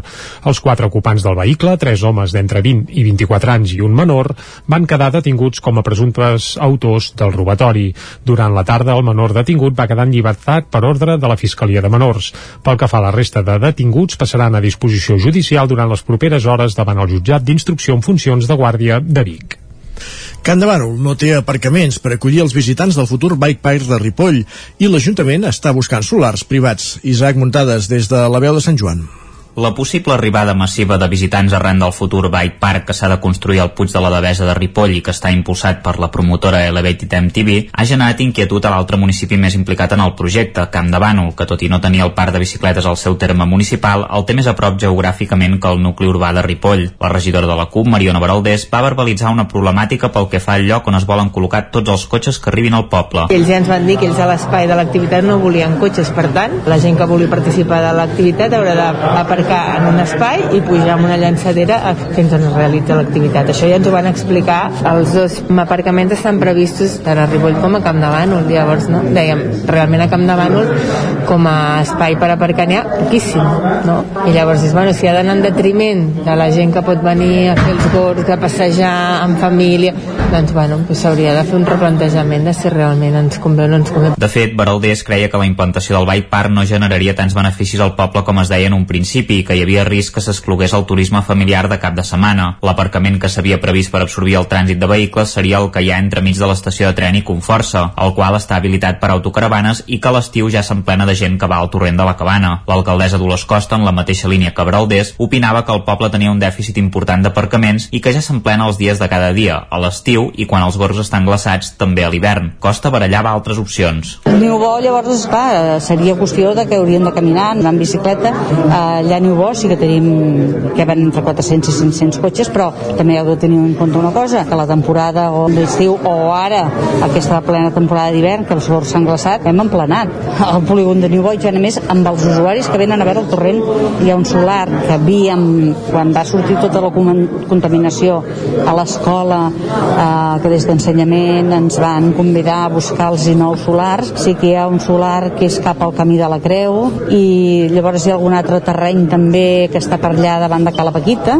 Aquests terrenys són espais privats i s'hauria de negociar amb els propietaris de pagar un lloguer o signar un conveni per convertir-lo en un aparcament. Costa va advertir que l'Ajuntament col·laborarà, però que l'empresa hauria de prendre la iniciativa i mirar de contactar amb els propietaris. Gràcies, Isaac. Encara el Ripollès, un últim punt que tot just ara avancem i que en tot cas ampliarem més endavant. Una notícia que prové del grup parlamentari d'en Comú Podem, que hauria aconseguit el compromís d'Esquerra i Junts d'ampliar la consulta dels Jocs Olímpics d'hivern al Berguedà, al Solsonès i al Ripollès. Avui el ple del Parlament aprovarà la moció d'en Comú Podem on s'insta a incloure tot el territori afectat tant al procés participatiu com a la consulta popular. Com dèiem, una notícia que anirem seguint en les properes hores i, els propers dies aquí al Territori 17. Més qüestions. Torna l'activitat a la capella Gruta de Lourdes de la fàbrica Can Trinxet de Sant Quirze de Besora. La capella gruta dedicada a la Mare de Déu de Lourdes, que hi ha a la fàbrica de Can Trinxet, a Sant Quirze de Besora, té més de 125 anys d'història i des de fa un temps torna a estar obert al públic. Evelyn Sampanis i Àngel Anton, de Sant Joan de Sora, van començar a restaurar l'espai ara fa 3 anys, quan el van descobrir. Es tracta d'un racó obert als jardins, dins la propietat de l'antiga fàbrica que toca a l'estació del tren, ara sense activitat, que es va construir el 1896.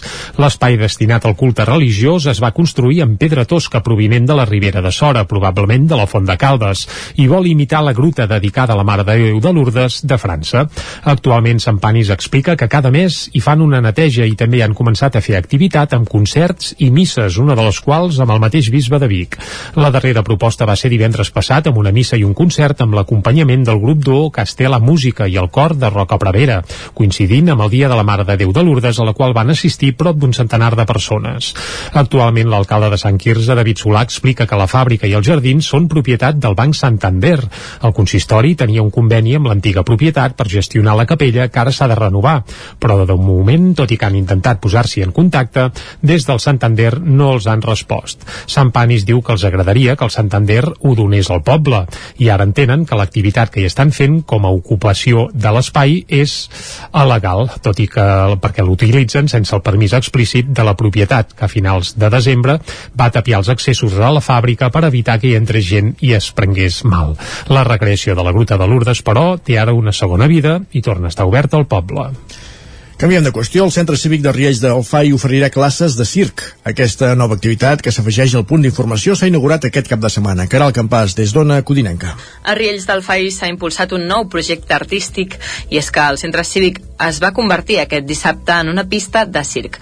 Tu sí que Circ ha impulsat aquest projecte i aquestes portes obertes per apropar la disciplina artística a tot el municipi. Aquesta no serà una activitat puntual, sinó que a partir d'ara l'equipament acollirà cursos i tallers de circ. Sentim Toni Verdugo, regidor de Cultura. aprofitem aquest espai que veieu aquí a Ries del Fai, aquest, aquest centre cívic amb aquest, amb aquest espai polivalent i volem aprofitar doncs, per, per fer eh, tallers de circ el circ és cultura el circ és esport i volem doncs, que els nens puguin gaudir de- d'aquestes activitats. Ara trapezis i teles formen part permanent en aquest espai. Maricel Borràs de que Circ explica que treballen conjuntament amb l'entitat Singularments, famílies amb infants amb diversitat funcional. Ah, Ara per ara donarem classes per adults de trapezi, per, per, de tela també per adults i també per, per infants. També dic que aquí hi ha una associació que es diu Singularments d'infants amb diversitat funcional i el circ eh, els ajuda molt. Joan Galeano, alcalde de Vigues, explica que va ser la pròpia entitat qui va demanar l'espai. Principalment eh, va sorgir arran de la, de la sol·licitud de la, de la pròpia entitat de, de, de, a veure si els hi podien cedir un espai. Tota la programació que s'oferirà al centre cívic es pot consultar al perfil d'Instagram de l'entitat Tu sí que Circ. Esports. Doncs obrim pàgina esportiva per explicar que el samperenc Marcel Font ha analitzat com influeixen diferents variables en un entrenament de cronoescalada. Ho ha fet pujant 365 vegades al santuari de Bellmunt. Pujar a Bellmunt tantes vegades com dies té l'any era un objectiu que s'havia plantejat el jove santperenc Marcel Font. De fet, algun any hi havia pujat més de 150 cops i el 2021 va acabar sent l'any del repte, que ha vinculat, per cert, el seu treball de recerca de segon de batxillerat. Ha anat en 365 ocasions des de la porta de casa seva fins a dalt la creu, un recorregut de 3,8 quilòmetres i un desnivell positiu d'entre 600 i 630 metres, comptant-hi també la tornada, 7,6 quilòmetres en total. El jove ha fet en total 3.141 quilòmetres en un any per aquest traçat i això li ha permès analitzar com influïen diferents variables en l'entrenament de la modalitat de cronoescalada, com per exemple l'hora del dia en què es fa l'entrenament, la temperatura, la humitat, la freqüència cardíaca o la recuperació. La conclusió és que la millor hora per fer el recorregut és entre les 4 i les 6 de la tarda i també amb una temperatura d'entre 5 i 10 graus. El rendiment també era més alt amb una humitat més alta, d'entre el 80 i el 100%. En el treball Font també ha ajuntat altres variants més subjectives, en què valorava de l'1 al 10 com se sentia físicament i mentalment i apuntava la influència positiva que hi ha tingut la música, com un al·licient. El seu rècord ha estat de 28 minuts i 50 segons, un temps per sota del que va fer a la cursa Nadal a Bellmunt, quan va fer 29 minuts i 28 segons. Font, Font també ha fet una maqueta de la serra a escala i hi han incorporat 50 noms de colls, cims i punts d'interès perquè perdurin en el coneixement. La intenció és que la plaqueta s'acabi exposant al santuari perquè la puguin veure els excursionistes que hi passin. Serà la petjada que haurà deixat el repte de pujar 365 vegades a una ermita que, com deia Jacint Verdaguer, està al cel suspesa. Deixem la poesia per continuar amb la plana esportiva. L'extrem del freaking granollers, Edgar Pérez, ha anunciat que es retira de l'embol professional. Les lesions han estat la causa del comiat del jugador de 27 anys. Núria Lázaro, des de Ràdio Televisió, Cardedeu. L'extrema esquerra del Franklin BM Granollers, Edgar Pérez, ha comunicat que es retira de l'embol professional al final de la present temporada. Així ho ha anunciat en una roda de premsa molt emotiva al Palau d'Esports de Granollers. Pérez, acompanyat del president del club, Alfred Serra, la seva família i dels seus companys d'equip ha argumentat que els seus únics motius són per un tema de salut i que és una decisió personal. L'extrem ballesà de 27 anys deixa l'embol d'èlit després de 22 anys al club, les últimes 7 al Franklin BM Granollers en el que va debutar l'octubre del 2013. L'Edgar, format al planter del club, sempre vestit elàstica ballesana. Fins ara ha deixat un llegat de 214 gols en 7 temporades que ha jugat a la Lliga Saki Sakir Asobal i 15 en competició europea. Els seus entrenadors durant la seva etapa com a jugador han estat l'Aleix Causa, el Quique Gallego, l'Antonio Rama, el Sergio Pozo, el Xavi Álvarez i el Toni Garcia. I acabem aquest bloc esportiu explicant que l'Hípica Can Vivet de Centelles acull la primera prova internacional de tir a cavall de l'estat espanyol. Ja van ser els primers de Catalunya en apostar pel Horseball fa més de 20 anys i ara, després de 3 anys introdu introduint-se en el tir a marc a cavall, el cap de setmana passat van acollir el primer campionat internacional de Horseback Archery que es fa a l'Estat. El centre hípic Centelles Can Vivet es va fundar el 1998 amb l'objectiu principal d'apropar el cavall i el món de l'equitació a tothom. I amb els anys, els seus impulsors, Pep Vivet i Àngel Subiracs, han anat evolucionant les activitats per aconseguir-ho. L'organització de cursos a les seves instal·lacions i la participació de proves a França els va permetre entrar en contacte amb esportistes i organitzacions que els van animar a acollir una prova de, de, de marc a cavall al mes de febrer, quan en molts països d'Europa, amb tradició d'aquesta modalitat, fa massa fred. I sí, els van acabar convencent. La prova la van tirar endavant amb el suport de la International Horseback Archery Alliance, que ja els va avançar que vol instaurar la prova anualment cada any sota l'organització del Horseback Archery Barcelona.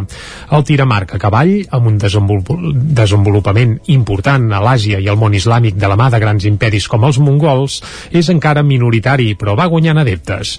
Es competeix des d'una rasa amb dianes a dreta i esquerra i situades a diverses alçades, que impliquen diferents girs del cos a l'hora de disparar. En aquesta primera edició hi van participar 30 arquers procedents de França, Polònia, Mongòlia, Moldàvia, Irlanda i Hongria, i també n'hi va haver de catalans. També hi va ser un dels millors especialistes del món, l'hongarès Christoph Nemethi, que ja ha fet formació a Centelles i que és la principal estrella mundial d'una modalitat esportiva que uneix les disciplines de l'arc i el cavall. Perfecte, una disciplina nova, com dèiem, i, i acabem aquest bloc informatiu que començàvem a les 10 en companyia, com sentíem, de Jordi Sunyer, Núria Lázaro, Isaac Muntades i Caral Campàs. Moment de saludar de nou en Pep Acosta.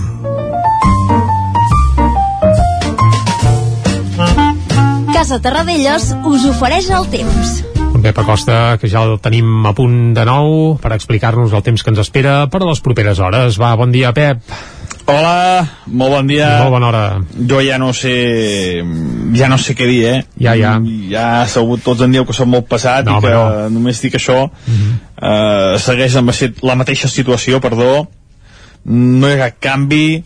Eh, hem de... No podem gi- girar més l'esquena ja a aquesta situació i és que mm, ens hi hem de posar tots una mica, eh? O, o, o al final eh, ja vam tenir aquell incendi a Roses de, de 400 hectàrees eh, però és que si no canvia la situació els dies aniran allargant arribarà la calor i, i la situació pot ser molt, molt, molt preocupant en el curs de Llobregat ja s'han encès també totes les alarmes de, de possibles eh, restriccions d'aigua. Mm, s'ha de fer una cosa s'ha de fer una cosa i ens hi hem de posar tots i no, no, no podem fer com si res i, i, i ens hem de posar ja Doncs però ja, eh? no, no, no, no, no d'aquí 5 minuts sinó ens hi hem de posar uh, ja. I la situació avui és la mateixa. La nit no ha sigut molt freda Uh, hi ha algun núvol més, hi ha algun núvol més degut d'un front molt, molt, molt petit que ens està creuant, però és molt petit, molt poca cosa, i ens deixarà molt poques conseqüències. Les temperatures màximes molt semblants a les d'ahir i com deia una mica més de núvols i, i molt poca cosa més a destacar és que no, no, no tindrem gairebé cap incidència meteorològica només una mica de vent als cims dels Pirineus i també una mica de vent als cims del Peritoral però molt poca cosa, entre 40 i 50 km per hora i això és tot, a disfrutar el dia d'avui, a disfrutar d'aquest ambient anticiclònic i, i, i és el que tindrem avui i també els pròxims dies. No hi ha indicis de pluja de moment per enlloc. Uh -huh. Moltes gràcies i demà ja expliquem el temps del cap de setmana, cap de setmana de Carnaval, que avui també és dijous Jardí, i és tant. un important de, de l'any també, eh? no, no només pel que està passant a Europa, sinó també perquè és dijous Jardí i sempre és important. Moltes gràcies, fins demà. Fins demà, Adéu. bon dia. És dijous llarder, eh? Correcte. I Jarder també, va. I com que és dijous llarder, Isaac, jo ara me'n vaig d'excursió cap a la plaça i d'aquí un quart eh, parlem de l'ambient que hi ha a plaça i de Perfecte. quin és el caliu que s'hi viu, sí? Doncs l'Òscar i jo ens quedem aquí amb l'entrevista. Doncs vinga, va. Som-hi. Fins Fins aquí ara. una estona. Casa Tarradellas us ha ofert aquest espai. Territori 17. Envia'ns les teves notes de veu per WhatsApp al 646 079 023. 646 079 023. WhatsApp Territori 17.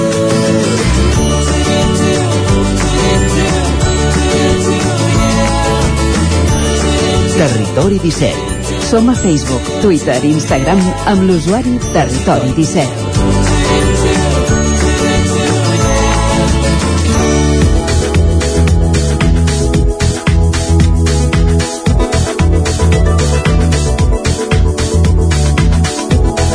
Dos minuts que passen d'un quart d'onze, diumenge es va presentar el conte Màmic al Teatre Auditori de Cardeu, un conte il·lustrat infantil creat entre tres germans per recaptar fons per un futur tractament de l'ELA. Òscar Muñoz des de Radio Televisió Cardeu, bon dia. Bon dia, doncs sí, Isaac, és un conte que ja s'havia presentat a altres poblacions d'arreu Catalunya i que els volíem portar aquí eh, al territori 17 doncs, per saber una miqueta més de la història. Avui parla parlarem amb el protagonista del conte, amb l'Ildefons Oliveres. Bon dia, Ildefons. Bon dia i moltes gràcies per... Avui estem... A, tu. Eh, avui estem aquí per parlar del conte Mà Amiga, aquest conte que ajuda, doncs, això, com hem comentat abans, a recaptar fons per un futur tractament de l'ELA. Hilde, a vostè li van detectar, no?, el- l'ELA. Explica'm com va anar tot. Bé, a mi me la van diagnosticar just el dia que sortíem del confinament de la Covid, eh, el 19 de juny de, del 2020. Ja feia un parell d'anys que no acabava de trobar-me bé, però no, no sabien definir ben bé què és el que em passava, fins que al final, bueno, en unes proves més concretes, electromiograma i anant al neuròleg, em va, em va confirmar el 19 de juny que, que tenia ELA. Uh -huh. Vostè ja coneixia la, la malaltia, tenia alguna sus, sospita? Com, com va encaixar aquesta notícia? La sospita no en tenia cap. Eh, jo quan em van fer l'electromiograma eh, em posava en l'informe que hi havia una possible eh, alteració de les motores neurones i tal, però no em vaig fer massa cas, vull dir, és quasi una reacció que, com la que fem gairebé tothom. I bueno, mira, això no em passarà o no em pot passar i tal.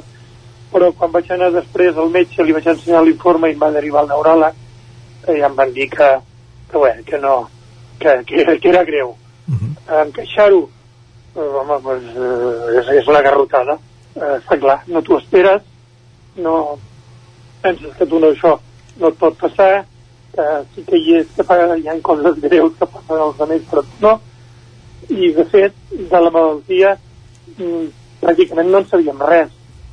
Havíem vist alguna pel·lícula, una pel·lícula eh, basada en la vida de l'Steve Stephen Hopkins, Uh -huh. eh, però res, pràcticament res sabíem.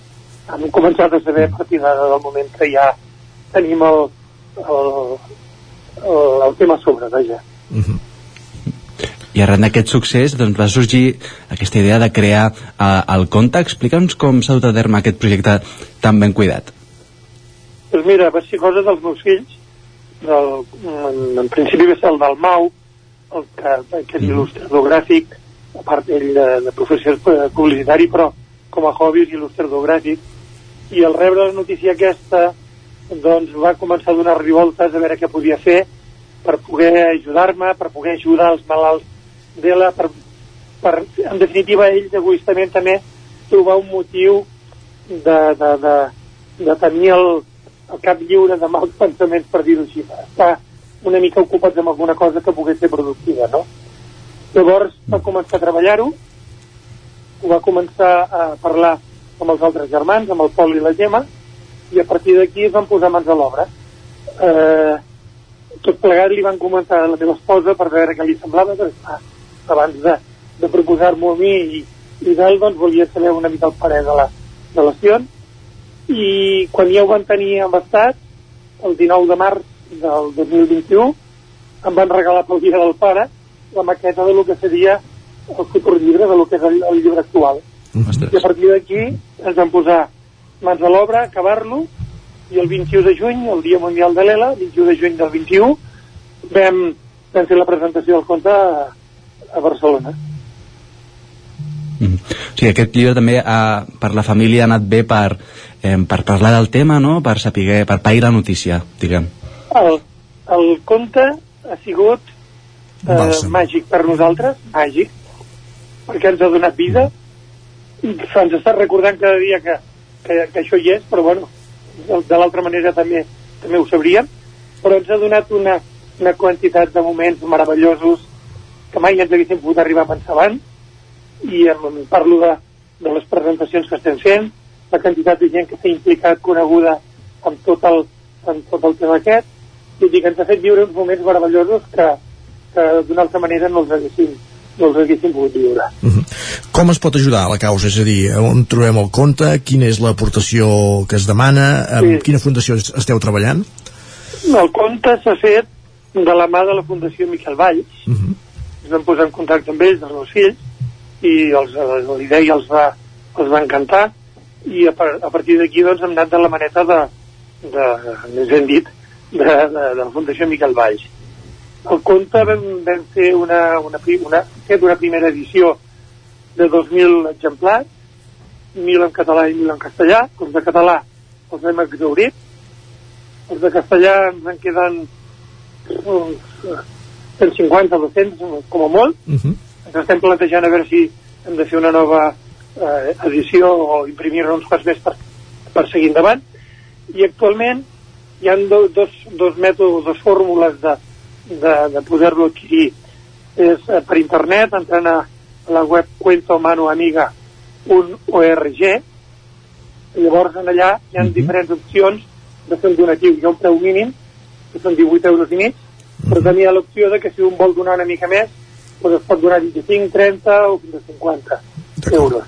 Molt bé. Eh, I després, el que també ens està funcionant bastant bé és amb les presentacions presencials que fem del conte en diferents poblacions, com ara l'altre dia que vam estar aquí a Cardedeu, que va ser un dia espectacular. Ahir eh, es donava la casualitat que a Vic hi havia Juan Carlos Unzué presentant també el seu llibre també lligat a, aquesta malaltia el fet que personatges com, com Unzué també siguin víctimes d'aquesta malaltia, podríem dir suposo que també ajuda a, a, donar-la a conèixer i, i, a, i a continuar amb aquest treball ingent no? de donar-la a conèixer i de buscar fons per la investigació Sí, Juan Carlos doncs, bé, som bastant amics, eh, per, per desgràcia, pel tema de la malaltia ens coneixem bastant. De fet, és una, és una gran desgràcia per ell patir aquesta malaltia, però per la malaltia en si, que la tingui ell, és un altaveu increïble, perquè el que està fent en Juan Carlos, que no para, que està amunt i avall, eh, donant veu a aquesta malaltia, eh, fent-la visible, eh, és, és fantàstic. És dir, en una, en una altra situació, segurament aquesta malaltia passaria bastant desapercebuda, però ara, gràcies a ell i moltes iniciatives que també hi han al voltant de la de l'ELA, eh, cada vegada s'està fent més coneguda. Eh, el de Juan Carlos no té preu. No li podem estar mai agraït eh, de lo que està fent, perquè s'ha de reconèixer i s'ha de, de dir que ell està malalt.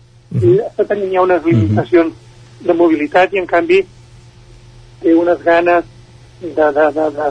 d'aprofitar aquests dies eh, que ens queden de vida per poder fer o donar ressò amb aquesta malaltia que, bé, en fi, és, és, és admirable. Havies comentat la presentació aquí a Cardedeu. Explica'ns com va anar eh, com va anar la presentació aquí a, a Cardedeu. Bé, en primer lloc, moltíssimes gràcies a lo que és la- l'Ajuntament, el Teatre de, de Cardedeu, per cedir-nos per cedir-nos el, el, el local, un auditori fantàstic. Eh, va fer possible que, que l'acte fins i tot tingués més, més, més compositat, no? Eh, a l'Òscar Esteban, eh, que eh, va ser ell el que ens va fer mitjancer i es va cuidar de tota l'organització del, del, del, de l'esdeveniment de diumenge i vam estar molt contents perquè perdó vam aconseguir que Amb cares vingués, conegudes, no era? sí, que vingués en Pep Plaza a fer la presentació ens va fer passar una estona brutal però brutal, i el coneixeu tots és l'home de les mil veus i, i bé, doncs amb els seus personatges va, ens va fer riure però fins a la mort, no? Vam comptar també amb un conte contes, la Mela Maluenda, que va explicar el conte. Ostres, ens vam, ens vam quedar tots meravellats perquè va ser Emocionar, no? I, ah, molt brutal, va ser brutal. I, i com a cluenda la, la de Mari Gelabert, que també eh, es va brindar a col·laborar amb nosaltres amb aquest acte i ens va, ens va posar la seva, la seva guinda cantant unes quantes cançons dins del, de l'acte de presentació. Agrair també molt especialment a l'Enrique Muda, que és un fotògraf eh, company de la Mela Melenda, que, que ens va fer les fotos, que és la primera vegada que vam comptar amb un fotògraf professional, perquè sempre teníem que anar pendents del mòbil per fer nosaltres les fotos i tal, i aquest cop doncs, ens les va fer ell. I realment va ser un acte meravellós, ens va venir també a saludar la Míriam Noguera, que també m'ha ajudat a col·laborar amb la difusió del conte i estem tenint tanta relació, o sigui que I la fo- dia Moltes gràcies pel testimoni. Ho hem deixat aquí, se'ns esgota el temps. Moltíssimes gràcies i sort en aquesta tasca. moltes gràcies a, vos, Bon a dia. vosaltres. Vale, bon dia. El nou FM, la ràdio de casa, al 92.8. A la rostisseria El Plat ens agrada la cuina de sempre, la de les àvies i de les mares, la cuina feta amb paciència com s'ha fet tota la vida. Vine a provar els nostres canelons gruixuts o els croquetons, les nostres croquetes de 80 grams, i recupera el gust del pollastre a com els que es menjaven abans. Ah, i aprofita, fins a finals de febrer, 20% de descompte en els canelons i el pollastre. Rostisseria El Plat, encàrrecs fins a les 12 del migdia i servei a domicili. Ens trobaràs de dijous a diumenge al carrer Església número 6 de Taradell o al 93 135 58 85. Gràfics Air, el seu proveïdor global en rotulació i impressió digital. Oferim servei de disseny, producció i instal·lació de qualsevol projecte en rotulació industrial i comercial. Rètols corporis, senyalització preventiva, senyalització viària, senyalització interior de naus, vinils decoratius per a oficines i establiments comercials, rotulació de vehicles... Confia en els serveis que li pot oferir Gràfics Air. Ens trobarà al carrer Lleida 39 de Vic o a graphicsAir.com. Cobertes serveis funeraris. Els nostres tanatoris estan ubicats en els nuclis urbans més poblats de la comarca d'Osona per oferir un millor servei. Tanatori de Vic, Tanatori de Manlleu, Tanatori de Centelles i Tanatori de Roda de Ter. Sabem que són moments difícils i per això el nostre compromís és atendre-us en tot moment amb un tracte humà, sensible i respectuós. Cobertes serveis funeraris. Telèfon 24 hores 93 883 23 46. Cefosol, centre de formació de soldadura GURB. Som especialistes en processos de soldadura. Disposem d'instal·lacions totalment equipades per a classes de teòrica i pràctica amb cabines individuals i equipaments de seguretat. Assessorem empreses i oferim cursos subvencionats i bonificats. Vine i t'informarem. Cefosol, som al carrer Sant Roc, número 9 de GURB. Telèfon 664 206 192. També ens trobaràs a cefosol.com i a YouTube. Anuncia't al 9FM. La màquina de casa. 9 3 8 8 9 4 9 4 9. Publicitat arroba al 9FM.cat. Anuncia't al 9FM. La publicitat més eficaç. Cocodril Club. Si t'agrada la bona música dels anys 60, 70 i 80, escolta el 9 FM als matins de dissabtes i diumenges d'11 a 1. És el temps del Cocodril Club, tot un clàssic de la ràdio, amb les bases del pop-rock, les llegendes, les cançons que s'han convertit en autèntics himnes. Recorda, dissabtes i diumenges al matí, d'11 a 1, al 9 FM 92.8. Cocodril Club. El programa revival de l'Albert Malla. Hasta luego, cocodrilo. El nou FM. El nou FM. En punt ara mateix, dos quarts d'onze al territori 17.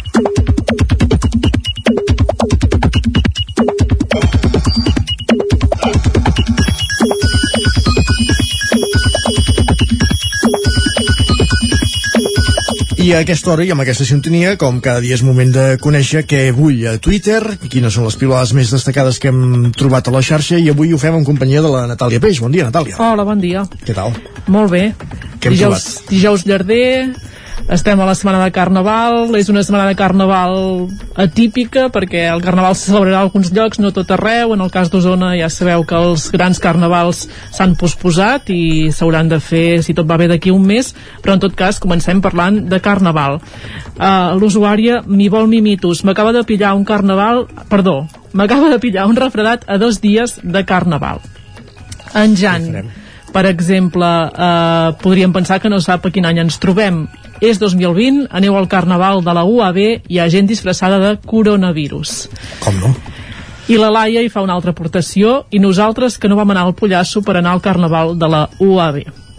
Potser hauríem preferit anar al Pollasso, veient com va continuar la cosa.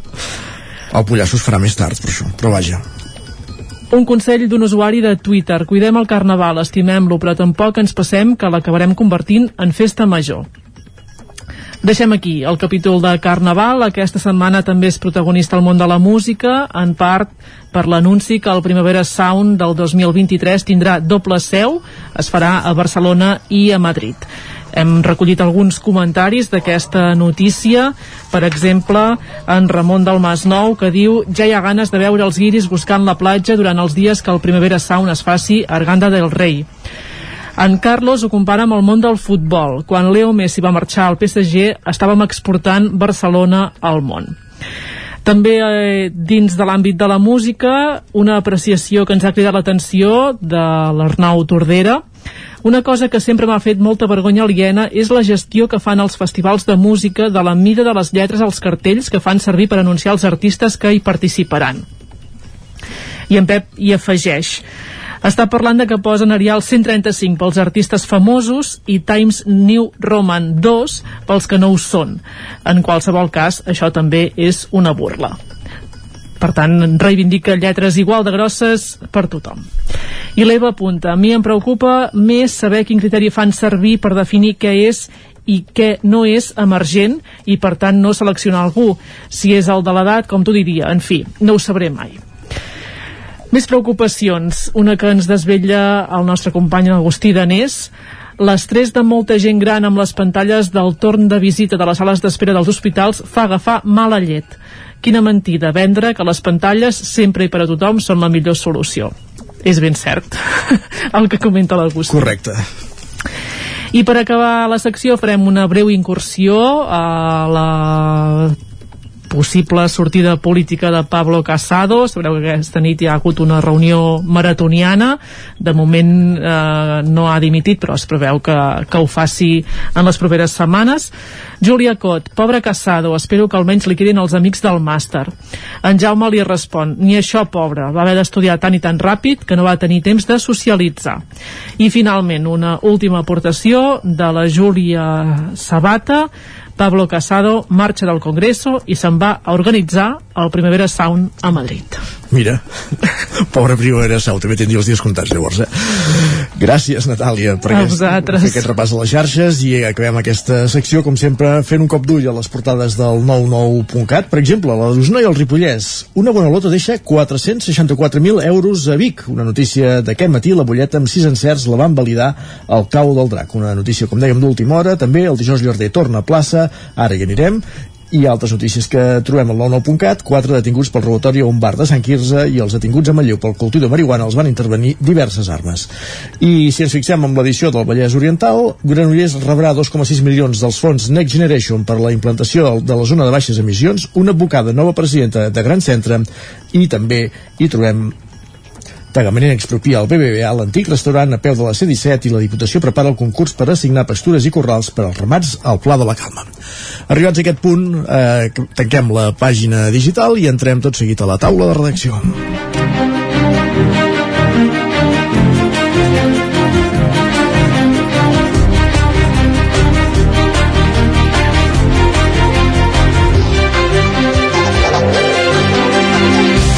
I avui, com us avançàvem, una taula de, de redacció des de l'exterior. En Jordi i Soniel tenim desplaçat a la plaça Major de Vic, on avui s'hi celebra per vintena vegada el dijous llarder. Bon dia, Jordi, de nou.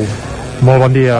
Molt bon dia des de la plaça Major de Vic i ja podem afirmar que Pablo Casado no està organitzant el dijous llarder, eh? El Primavera Sound de Madrid, no sé si l'acabarà organitzant, però perquè el dijous llarder no l'hem pas vist. El que sí que podem afirmar és que fa un dia fantàstic, que la plaça està plena de goma o bom, amb gent menjant entrepans de botifarra, de cansalada virada, de cansalada d'ou, i també hi ha la típica estampa dels porcs de ral d'Avinyó, que s'estan coent amb unes graelles gegantines que són, bé, la nineta dels ulls, sobretot d'escolars, perquè hi ha moltes escoles de Vic que avui també el que han fet és celebrar el dijous llarder i anar d'excursió, per exemple, cap a la plaça Major per veure i viure en directe tot el caliu d'aquesta festa. Ara, a més a més, fa res, fa dos minutets que ha començat el concurs per decidir quina és la millor truita d'Osona, i competeixen sis cuiners que tenen mitja hora per elaborar això, la millor truita uh, d'Osona. Encara- si encara l'han de fer, la procurarem- Sí, l'estan fent. L'estan fent, Ara mateix porten, tenen mitja hora per elaborar-la, fa 5 minuts llargs que han començat, 7 minuts potser, per tant encara tenen 20 minutets per acabar-la d'elaborar. Després, ja ho hem avançat abans de les notícies, hi ha un jurat, un jurat qualificat que ha de decidir quina és la millor truita. Aquest jurat, per cert, l'havia de presidir l'havia de presidir Pilarín Vallès, la coneguda ninotaire, però al final la Pilarín ha estat baixa perquè aquest matí s'ha llevat i no es trobava gaire bé i al seu lloc hi haurà és el gastrònom Pep Palau un dels pares precisament d'Osona Cuina i també del dijous llarder per tant diguem que li han buscat un relleu que gastronòmicament parlant està com a mínim al nivell de, de la Pilarín Bé, ara hi ha un moment molt, molt... Eh, clar, hi ha molt de públic veient aquest concurs i ara hi ve un del, dels concursants disposats a fer, eh, saps allò de girar la truita? Sí, i tant. I fer-ho fent-la volar. El tombatruites, Però, sí. al final, eh, no s'ha atrevit, no s'ha atrevit, però li anirem a proposar. Ai, ai, encara Com és que no has gosat eh, llançar-la a l'aire? Com ha anat això? Bé, bé, bé, però no he gosat perquè eh, intentarem, no sé si guanyarem o no, però intentarem bueno, que, que ens quedi mig bé. Eh? Eh? Molt bé, estem parlant amb quin cuiner, com et dius? Uh, Xevi Peipoc, de les Masies. De què és la teva truita, Xevi? És d'arròs a la cassola, una truita d'aprofitament, que l'arròs que et sobra el dia abans, eh, l'any demà el fas, bueno, un truita i queda molt bo, us la recomano, molt bona. Molt bé, de moment la girada ha anat bé per això, eh? No ha set volant, però l'ha girat i ha anat bé. I saps què passa? Que eh, no estic jo acostumat a cuinar amb foc d'inducció, a casa tinc foc de gas, i això m'ha fotut una miqueta, però bueno, farem el que podrem. Molt bé, doncs aquesta és una de les truites que s'estan elaborant. Truita, Truita d'arròs a la d'arròs cassola. Molt sí, bé. Sí, sí. I ara en volem conèixer una altra d'aquestes truites que s'estan elaborant i per això parlarem amb un altre dels truiters que tenim ara mateix en concurs. Bon dia. Bon dia. Digue'm el teu nom, sisplau. Jo sóc el Cesc Juncà. Estic Ah. fent una truita d'espinacs farcida de sobrassada i formatge blau. Una truita francesa. Fa una pinta espectacular, eh? És el primer cop que la fas o ja la tens controlada, aquesta? Oh, ja l'havia fet anteriorment. A l'Escola d'Hostaleria d'Osona, que venim d'allà, jo i el meu company, eh, ja vam fer un concurs i eh, vaig fer la mateixa Vam, vaig guanyar jo, ell va quedar segon i ara estem aquí a fer aquest concurs. Ep, aquests apunten el títol, eh? Sí, no, no, aquí hi ha, hi ha molt nivell, eh? Jo la veritat és que, clar, una truita, n'he fet alguna, però quan veig com treballen, és evident que això és un altre nivell, eh?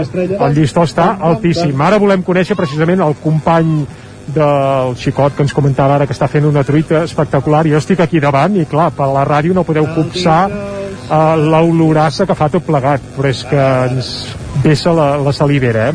coneixem aquesta segona truita, va, molt bon dia Hola, bon dia. com et dius? Oriol Balaguer, estic, fe... i Balaguer, quina truita estàs fent? estic elaborant una truita, eh, una truita francesa original, eh, com s'ha elaborat sempre eh, les originals de França, eh, que el seu secret és emulsionar l'ou perquè et quedi ben, ben llisa, i la meva truita està, està formada per bacallà confitat, eh, també ficarem una mica d'all tendre, i la textura que volem aconseguir per aquesta truita és molt llisa i que estigui melosa per dins. Mare meva, quina feinada, però quin nivellàs. I ara, molt breument, parlarem amb l'única participant femenina al concurs de truites. Molt bon dia. Hola, bon dia. Uh, el teu nom, si plau. Elisabet. Elisabet, quina truita estàs fent? Estic fent una truita de calçots amb salsa romesco.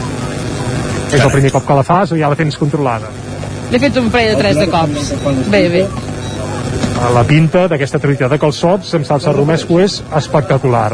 Producte I ara, eh, Isaac, eh? si et sembla, volem conèixer el parer eh, d'un dels membres del concurs, Del del Pep? Palau, Molt bé. que fa, entre cometes, de Pilarín Vallès, no, no ben bé és el mateix, però, escolta, Pep, a quin nivell que hi ha aquí amb aquestes truites, això és que el llistó està altíssim, sembla un concurs mundial de truites, eh? Sí, sí, em quedo parat de veure el nivell que hi ha de truites eh, que al final doncs, eh, són de persones que les fan perquè les fan a casa seva. Això vol dir que el nivell també a casa està pujant i això és el millor senyal que hi pot haver per un país, que es mengi bé les cases. Perquè al final si només es menja bé als restaurants doncs eh, la cuina popular va llenguint i s'acaba esfumant i millor senyal que aquest eh, no n'hi ha cap altre.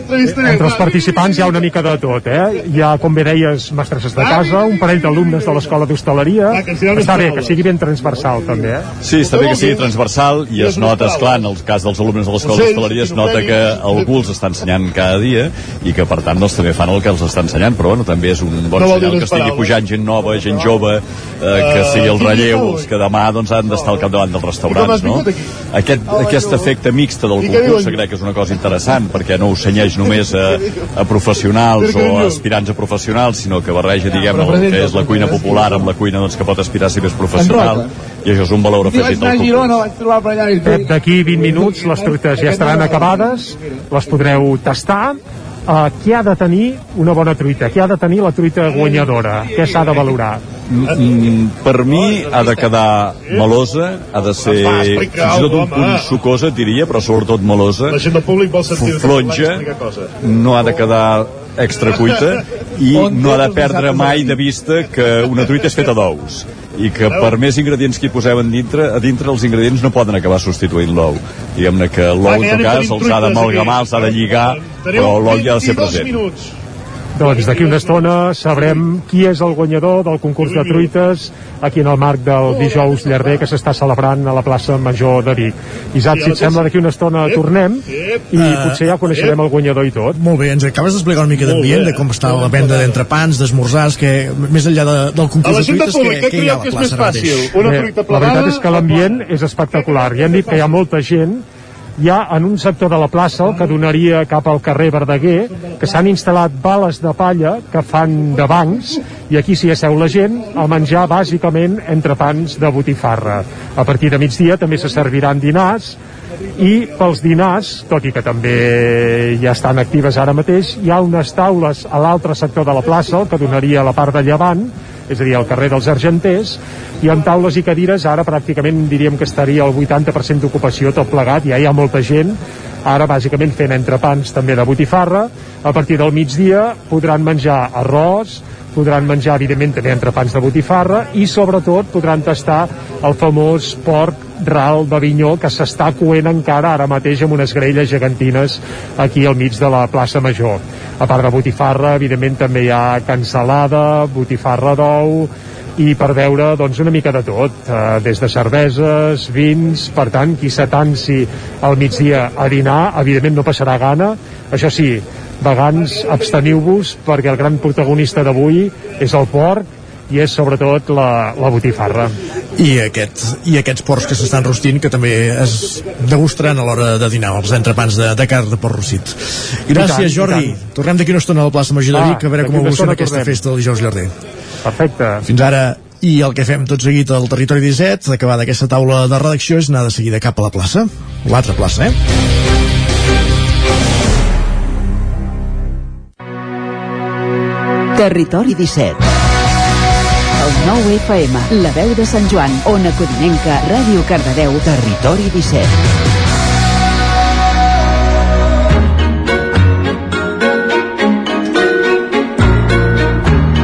mig minut perquè siguin tres quarts d'onze i quan diem l'altra plaça volem dir la plaça de cada dijous, la plaça que des de Ràdio Televisió Cardeu i 11.cat ens acosta qüestions de nova economia cada setmana i avui fent un seguiment d'un tema que ja vam tractar setmanes enrere com és l'or. Maria López, des de Ràdio Televisió Cardeu, bon dia. Molt bon dia, avui de plaça a plaça anem, eh? Sí, i tu perquè em toca. Exacte, és que he pensat el mateix, dic, això és com el joc de l'oca, però Exacte. aquí a la, a la nostra plaça... Aquí el premi és la plaça. a- a- Exacte, els temes que portem per això a la nostra plaça no són així tan, tan, Són sucosos, però d'una altra manera, eh? Perquè jo anava sentint allà el, el tema del menjar i la veritat és que m'estava entrant ja una, Tu una imagina't gana així, quantes com de mig truites matí. pots fer amb un lingot d'or? O quantes botifarres pots comprar? Ostres, Imagina't. això hauríem de comptar, eh? això hauríem de fer, després a veure si, si ens dona temps de fer quatre números, a veure amb un lingot quantes ens en sortirien. Però com ja sabeu, la nostra plaça és una mica diferent que la, la plaça d'on venim, perquè la nostra és un espai, aquest espai terrenal, on intentem fer comprensibles a tothom aquests grans dilemes i conceptes de la nova economia, i ho fem gràcies a les companyes d'11.cat. I avui rescatem, com bé deies, un tema del que ja vam parlar fa uns dies, però en el que volem aprofundir una miqueta més. I és que rescatant aquella imatge de la que parlàvem l'última vegada del tio Gilito, que ens abocava directament a l'escena amb els seus lingots d'or. Avui vol- volem seguir parlant d'això, de l'or. Però més enllà volem saber si és el moment o no d'invertir en aquest bé. Quines maneres d'invertir tenim? Quines modalitats hi han? També, eh, si hi ha més coses a part de l'or. I tot i que soni una mica estranya la pregunta, a mi m'agradaria saber si decideixo invertir en or, si el puc tocar. És, això és una mica fetichista també, eh? però si, si podem tenir aquella imatge de tocar aquest or o estem tot, tota l'estona parlant d'un món virtual. En definitiva, volem saber si són les crisis el moment d'invertir en l'or i per fer-ho parlarem des de l'altra banda del telèfon amb l'Oriol Tafanell, ell és director financer d'11. Bon dia, Oriol, com estàs? Bon dia, molt bé. Molt bé, i aquí a la meva banda tinc a la Gemma Vallet, que ens acompanya una setmana més, i ella és la directora de màrqueting d'11. Bon dia, Gemma. Bon dia, Maria. Som-hi amb el tema, perquè una de les preguntes finals que fèiem era eh, una mica quin és el moment ideal, no? En moments inflacionaris com el d'ara, ens recomanaríeu invertir en or? I si és que sí, per què ens recomanaríeu fer-ho just ara? Jo, eh, abans de res, eh, diria que invertir eh, no sona molt bé amb el tema d'or perquè el que estem fent és comprar. Uh -huh. Això ja té una connotació important. La inversió, diguem-ne que seria invertir en mercats, en accions, en borsa i tot això, l'or, precisament perquè és un material, és físic, es, es compra. Eh, que s'hagi eh, acabat dient invertir en or, d'acord, però que estàs fent? Estàs comprant un, una cosa que és tangible. Eh? Nosaltres el que diem és comprar or físic. No és comprar un títol eh, d'or, que llavors sí que seria una inversió, no? No, no, estic comprant una cosa que és meva i és or. I ho puc tocar. Què més vols? Fantàstic. És el moment? Clar que és el moment, evidentment. I el per què? Doncs perquè el mercat financer està molt, però molt, però molt tocat. Eh, no, hi ha, no hi ha cap da- data que, que, o cap dada que ens porti a pensar que això anirà cap a millor financerament. El tema econòmic. Eh?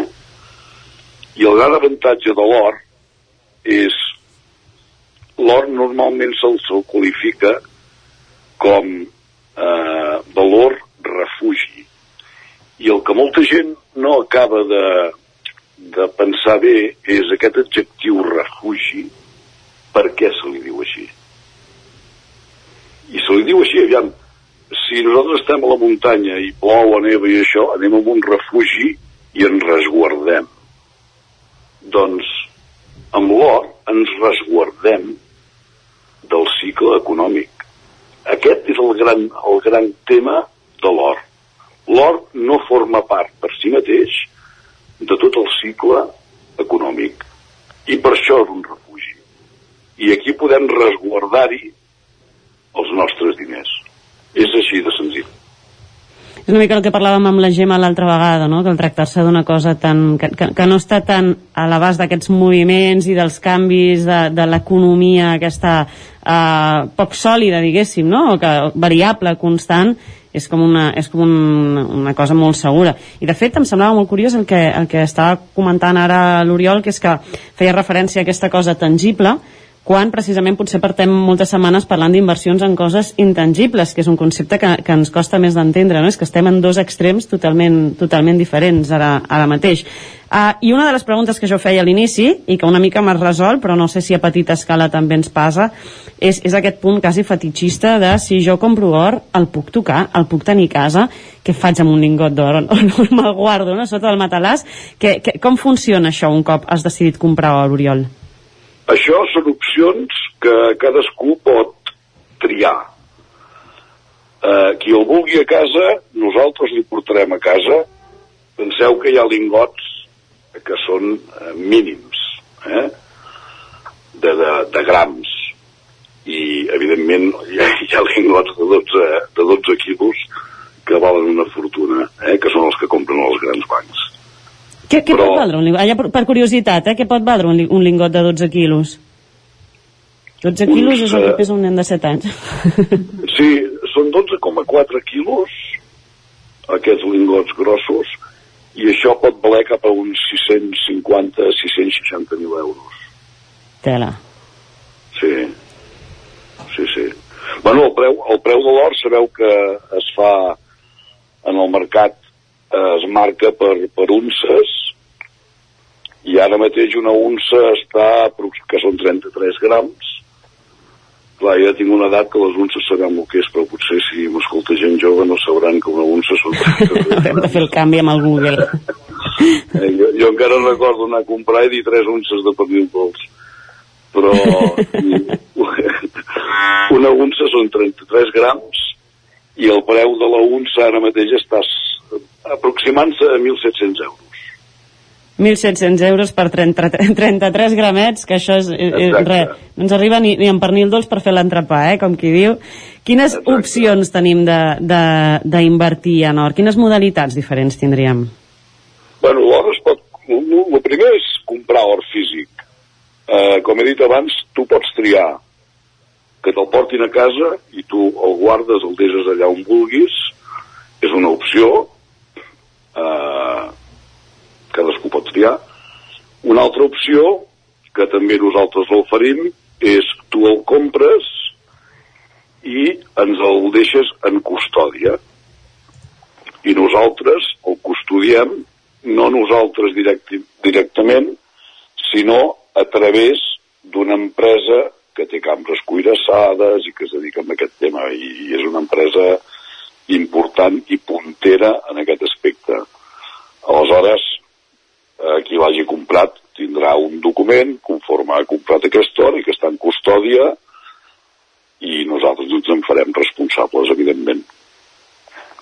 I Que estem parlant d'un producte que en el fons sona molt a, a banca tradicional, no? Però en el cas dels neobancs, eh, això d'alguna manera com... com...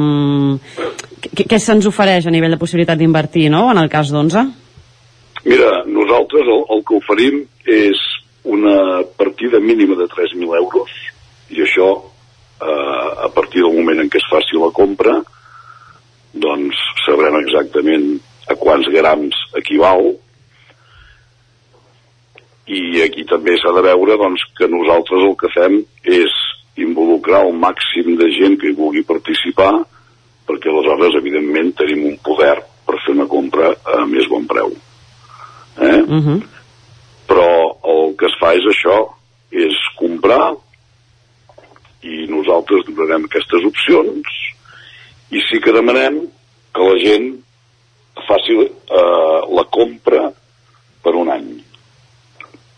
I a partir d'un any se'l pot vendre al qui l'hagi comprat o ens pot demanar a nosaltres que l'ajudem a vendre'l, que nosaltres busquem el comprador i són gestions que anirem fent. Evidentment, eh, com sempre diem a 11, no hi ha res gratuït.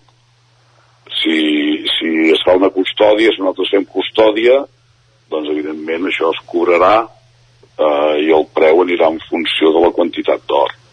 Si l'enviem a casa, doncs també cobrarem el transport, evidentment, en res, mm, poc import, però cobrarem el transport a part i ja està.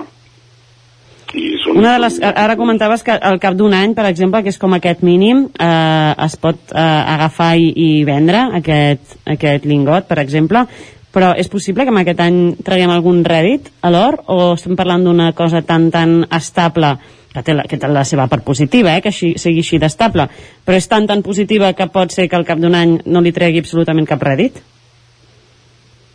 Home, és impensable. Avui en dia és impensable. Ara mateix, tal com va, és impensable. Uh, hem de pensar que l'or, històricament, vull dir, no, no és ara, històricament, pràcticament mai ha perdut valor. Eh, aquesta és la, la bellesa, l'atracció que té l'or, és aquesta estabilitat. I al final l'or sempre acaba pujant. Mira, en els últims 3 anys ha pujat un 40%. Un 40%. Eh? I tal com van ara mateix el, el tema econòmic, que va, van molt mal dades, doncs l'única previsió que nosaltres podem fer és que això anirà cap amunt. Anirà cap amunt. Uh, no parlem mai de rèdit amb l'or, parlem de plusvàlues. Uh -huh. Val? Això m'ho rèdit, Els meus apunts d'economia de la plaça. Sí, no, el rèdit és més aviat eh, interessos que puguis treure. Eh, en el cas de l'or és una plusvàlua. Jo compro a 100 i venc a 105. Doncs he guanyat 5, això és la meva plusvàlua. Uh -huh. Però durant l'any no et donarà res. Això serà el moment en què tu venguis. Si tu al cap d'un any decideixes no, m'hi vull estar un altre any, no guanyaràs res. Ara, Clar, no, fins al moment que no el venguis està clar que, que allò es queda Exacte. parat, no? Tens el, el, teu metall, el teu, que el tens, o com deia, no? O guardat o a caseta sota el matalàs i, i, i d'alguna manera allò no genera, no genera diners fins al moment de la venda, entenc. Exacte. Va pujant de preu, uh -huh. allò que tens tu té més valor, però fins al moment que no el venguis eh, no ho veuràs. Uh -huh. Estem parlant tota Ara- l'estona de l'or, però... No, digues, perdona, Oriol. No, anava a dir, eh, l'altre aspecte molt important és la liquiditat que té l'or. L'or el vendràs a qualsevol moment, no costarà gaire. Clar, això també és d'alguna manera una, una, una assegurança, no?, de que tens allà algun, un, un bé del que li, tra li trauràs aquest, aquest profit. Deia que estàvem parlant de l'or, però entenc que hi ha altres metalls també en els que pot ser interessant eh, fer aquesta compra, o no? O, és, o, o el millor és anar per l'or i deixar-nos estar d'altres coses? No, hi ha altres metalls preciosos que es diuen eh, hi ha el, el paladi, la plata evidentment eh, i nosaltres també ens els estem mirant eh, però nosaltres hem començat per l'or hi hi ha el paladi, platí, el platí també eh? però per què hem començat per l'or? perquè aquests altres metalls no tenen, primer que no tenen aquesta estabilitat que deia abans, que té l'or, i nosaltres ho veiem més com amb més risc. És una compra amb més risc, perquè la volatilitat d'aquests altres metalls preciosos és bastant més gran que la, que la de l'or. Eh? Poden pujar, uh -huh. poden baixar també, eh? Més inestables, eh? més inestables i no et donen aquesta seguretat tan gran que et dona l'or. També Mhm. tinguem en compte això. Uh, qui són grans compradors d'or? Els bancs centrals. La, la, sempre hem sentit parlar de la reserva d'or, de, jo què sé, de, dels Estats Units, la reserva d'or del Banc d'Espanya, etc. no? Uh, això t'ho diu tot. Per què compren or i no compren altres metalls preciosos? Doncs per l'estabilitat. Uh -huh. Volia fer just abans d'acabar la secció d'avui un, un, quatre números així ràpids. Estàvem parlant que 33 grams eren uns 1.700 euros. Què pesa un lingot? O, o, hi ha vari, o hi ha diferents tipus de lingot? Lingots n'hi ha des de grams fins a 12,4 quilos, em sembla que és. O sigui, per exemple, dels 33 grams que dèiem, hi ha un lingot de 33 grams. Sí, de Va, menys. doncs mira, partirem d'aquest lingot de, de 33 grams uh, per resol resoldre la pregunta que em feia l'Isaac abans de començar. Em preguntava quantes truites de, de, de, que avui que era el, el dijous que estàvem fent el ju- dijous de truita, no sé com ara com es diu però... Dijous llarder, dijous llarder. gras. El dijous dijous gras. llarder Val, eh, o sigui, 1.700 euros, jo no sé quan fan les truites grans allà per Vic, eh, Isaac, però si fem un... Imagina't una truita gran a 12 euros, 1.700, ens dona per 141 truites un lingot, com ho veus? Bé, i han de ser bones Sí, aquestes no truites a aquest preu, eh? Sí, sí, Home. molt bé. Just abans de marxar, només Gemma, digue'ns de què parlarem dijous vinent a la plaça. Canviem de tema. Canviem de tema totalment. Ens anem a la generació Z Mm. i tornem a veure com estan consumint la generació Z, perquè serà la generació que, que, bueno, que entrarà en aquesta època del neobanc i un neobanc, com tu bé has observat, és que hi ha una novetat aquí, que uns és un neobanc, sí, però que també adopta coses dels bancs tradicionals, perquè entrem en una, en una època que, que és híbrida, eh? i llavors és una bona forma sociològicament d'entendre la generació Z per entendre el nou consum i entendre la nova economia. Doncs tornarem dijous vinent amb aquesta generació Z. Moltíssimes gràcies, Oriol, a l'altra banda del telèfon. Gràcies, Gemma, també per acompanyar-nos una setmana que ve. Ens tornem a veure dijous vinent. Isaac, que vagi molt bé les truites a la plaça. I les botifarres, res, i tot plegat. I les botifarres. porc. Tenia un festival. Jo crec que ara m'agafo un tren i vaig cap allà. Eh? Ui, no, vi- vine amb cotxe, eh? Si has de venir amb tren, potser... no sé a quina hora arribaràs, des de Has dit Cardedeu. una secció per una... Va, Maria, Vinga, dimarts, gràcies. Isaac. Bona Apa. setmana. Adéu. Doncs acabada la secció de la plaça, amb 11.cat amb la Maria López des de Ràdio Televisió Cardedeu, moment d'actualitzar-nos al territori 17, ara que passa un minut pràcticament clavat del punt de les 11. Territori 17, amb Isaac Moreno i Jordi Sunyer.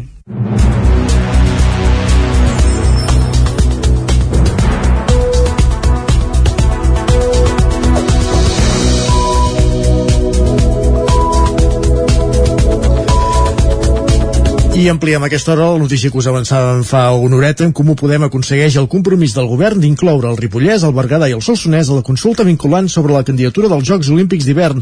Isaac Muntades, des de la veu de Sant Joan. Isaac. El grup parlamentari d'en Comú Podem ha aconseguit el compromís dels dos partits del govern de la Generalitat de Catalunya, Esquerra Republicana i Junts per Catalunya, d'ampliar la consulta vinculant a les comarques del Ripollès, el Berguedà i el Solsonès per decidir si tira endavant la candidatura dels Jocs Olímpics d'hivern 2030, que s'ha de celebrar a la primavera. Així doncs, la consulta ja no només es limitarà a l'Alt Pirineu i l'Aran. Així ha quedat recollit a l'esmena a la moció subsegüent a la interpel·lació al govern transaccionada amb els grups parlamentaris d'Esquerra i Junts, així com el de la CUP, i que es votarà aquest matí al ple del Parlament. L'acord és fruit de diverses negociacions i els comuns compten que el text s'aprovi, tal com recull el text complet i que defensarà el diputat i portaveu de Territori Marc Parés. Segons els comuns, els Jocs Olímpics d'hivern del 2030 no donen resposta a les principals necessitats que té el Pirineu actualment, alhora que representen una aposta estratègica que consideren incongruent amb l'actual context de canvi climàtic. És per això que en Comú Podem porta al Parlament una moció que vol qüestionar la idoneïtat dels Jocs i que manifesta el menyspreu del govern a les comarques excloses inicialment. Gràcies, Isaac, per aquesta última hora i més qüestions. Una família amb tres menors a càrrec va ser desnonada aquest dimecres a Vic. Es tracta d'un cas d'ocupació a l'immoble d'un particular, un escenari molt més desfavorable que quan es posa en joc a bancs o grans tenidors. Des de la plataforma d'afectats per la hipoteca Osona han demanat a l'Ajuntament de Vic que siguin àgils a l'hora de resoldre casos que afecten a persones en situació d'exclusió residencial. Al número 172 de l'Avinguda dels Països Catalans de Vic, aquest dimecres la família del Calit, amb tres menors a càrrec, va ser desnonada. La comitiva judicial va fer acte de presència quan passaven pocs minuts de les 12. Els esperaven els membres de la plataforma d'afectats per la hipoteca Osona, però també el propietari de l'immoble. Després de negociar durant pràcticament una hora i vist que la família que fins ara ocupava el pis tenia opcions de traslladar-se a Girona, es va acabar produint l'actuació judicial. Des de la PA, la seva portaveu, Mayra Costa, va explicar la complexitat dels casos que, a diferència de la gran majoria que posen en joc a bancs i a grans tenidors, involucren a particulars. Exacte, clar, això no, no és el mateix tractar uh, quan el propietari és un gran tenidor, com pot ser la Sareb, uh, Divarian, Cerberus, tots aquests, tots aquests grans fons d'inversió que el que fan servir és de buidar els pisos total per deixar-los buits i continuar especulant uh, amb els preus immobiliaris i continuar el benefici no és el mateix, evidentment, no? entenem que és una situació molt diferent, el propietari és un petit tenidor, per tant la resposta ha de ser diferent, però les famílies han de poder tenir un habitatge alternatiu, perquè evidentment el- el- el- l'últim el que intentem fer és garantir el dret a l'habitatge. En nom de la PA, Costa va mostrar-se crítica amb la gestió que l'Ajuntament de Vic fa amb les persones en situació d'exclusió residencial. Va demanar que sigui àgil i que mobilitzi pisos per acabar, entre d'altres, amb el racisme immobiliari. I bueno, esperem que l'Ajuntament també dongui pressa en la resolució de la mesa d'emergències es posi a mobilitzar pisos perquè dic n'hi han, sabem que n'hi han precisament hi ha alguns blocs de la Caixa que els estan eh, traient de l'ús social que havien tingut fins ara i a més hi ha habitatge buit per tant formes n'hi han, esperem que l'Ajuntament es posi les piles perquè els ofereixin ja l'alternativa que tenen dret. També és una família que podria eh, trobar un lloguer pel seu propi compte però per qüestions de racisme immobiliari tampoc el troben, o sigui que al, al final es queden moltes coses a l'aire i que s'han de continuar treballant. Pels vols de la UNA, membres de la PA i persones properes a la família d'en Calit van començar a buidar el pis. Entre totes van omplir dues furgonetes en direcció, si més no fins a nou avís, cap a la capital del Gironès. Una operació de Mossos d'Esquadra i policies locals acaba amb vuit denúncies per tinença de droga en un bar de Sant Celoni. El dispositiu es va fer la nit de divendres a dissabte amb la participació d'una vintena d'agents. Núria Lázaro, des de Ràdio Televisió, Cardedeu. Una operació conjunta dels Mossos d'Esquadra, la policia local de Sant Celoni i la unitat canina de la policia local de Santa Maria de Palautordera a l'interior d'un local musical del carrer Barcelona de Sant Celoni s'ha tancat amb vuit denúncies administratives a diversos clients del local per tinença de substàncies estupefaents i un acte d'inspecció al local per infraccions administratives. L'operació va tenir lloc la nit de divendres a dissabte de la setmana passada a partir de dos quarts de dotze de la nit. El dispositiu policial es va fer arran de les queixes continuades dels veïns de la zona, especialment els caps de setmana. Hi van participar prop d'una vintena d'agents policials, entre els quals agents de paisa i membres de la unitat regional de la policia administrativa dels Mossos d'Esquadra. La policia no és la primera vegada que entra en aquest local de Sant Celoni.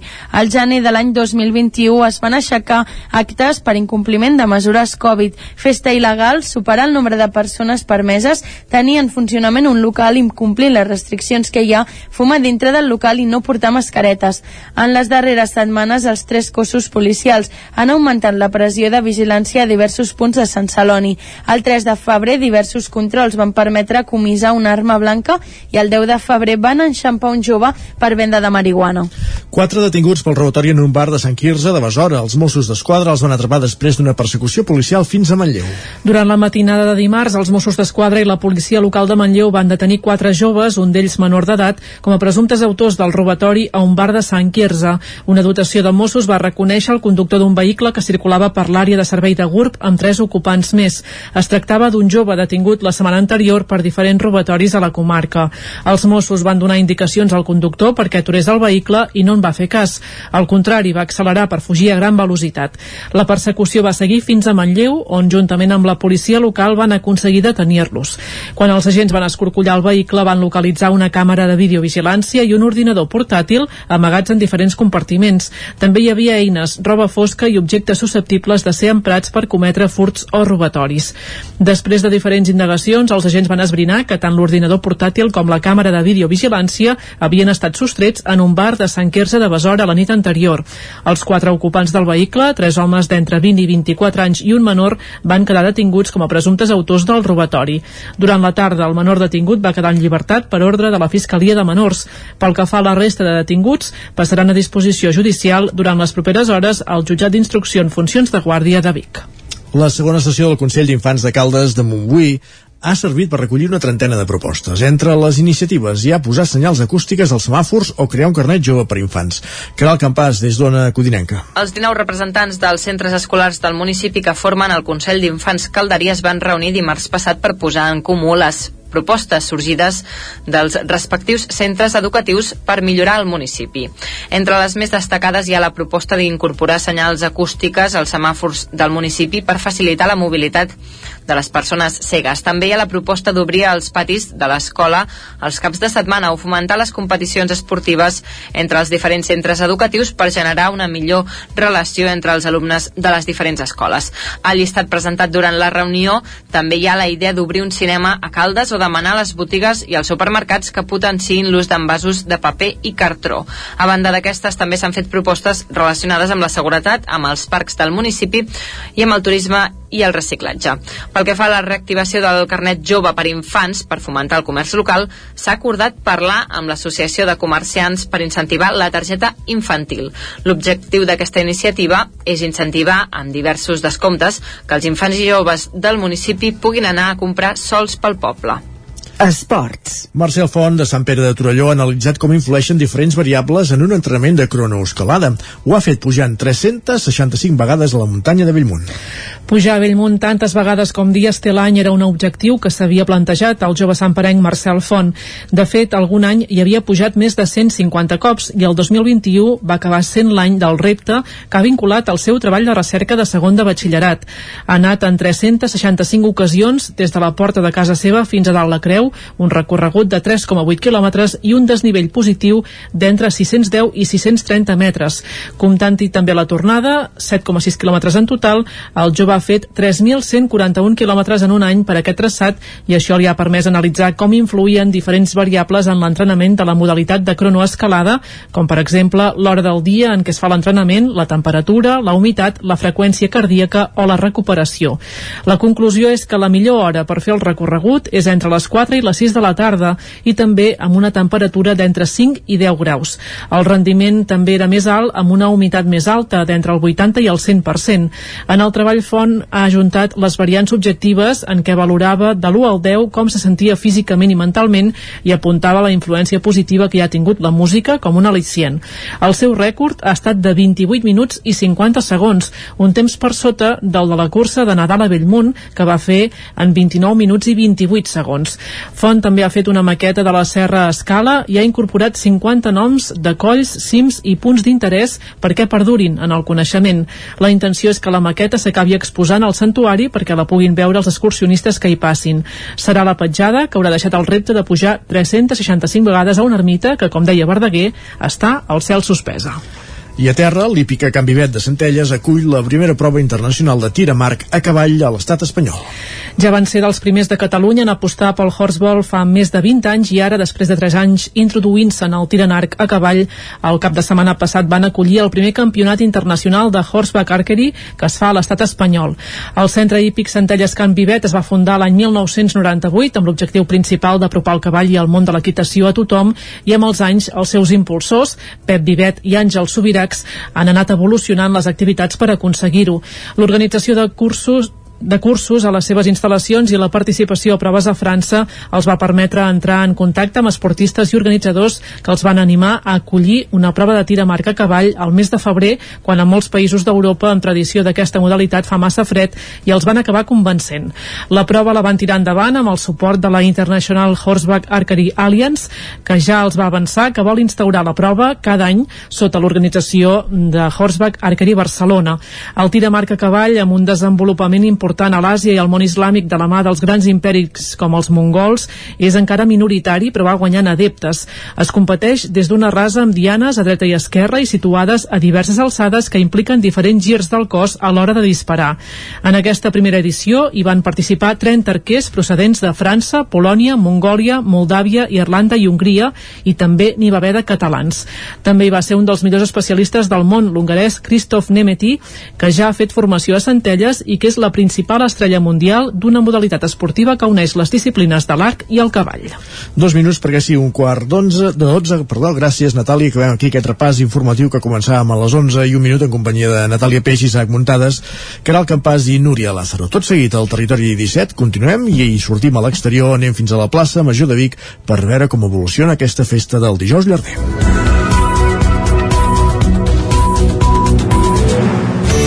Territori 17. Envia'ns les teves notes de veu per WhatsApp al 646 079 023. 646 079 023. WhatsApp Territori 17.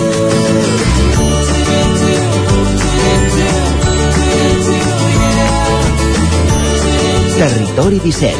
Som a Facebook, Twitter i Instagram amb l'usuari Territori 17.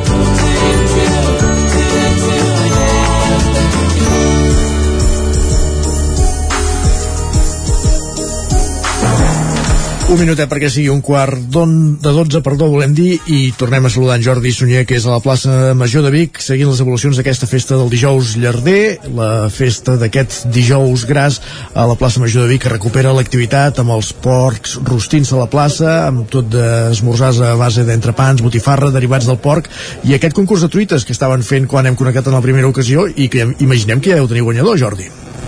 Doncs no, no té guanyador encara, Encara. encara el que sí que té és que les truites ja estan fetes, el jurat ja les ha tastades totes i ara estan fent, diguem-ne, una mica el veredicte, el recompte de tot plegat, però deixa'm dir que pel que hem pogut espiar mentre s'estava fent el tastet, sembla que els principals favorits serien precisament els dos alumnes de l'aula d'hostaleria d'Osona, amb qui hem conversat, que potser feien les truites més enrevessades i complicades, i sembla que el títol podria anar per aquí. Bueno, veurem, Veurem si abans d'acabar el territori 17 podem saber qui s'endú el, el guardó.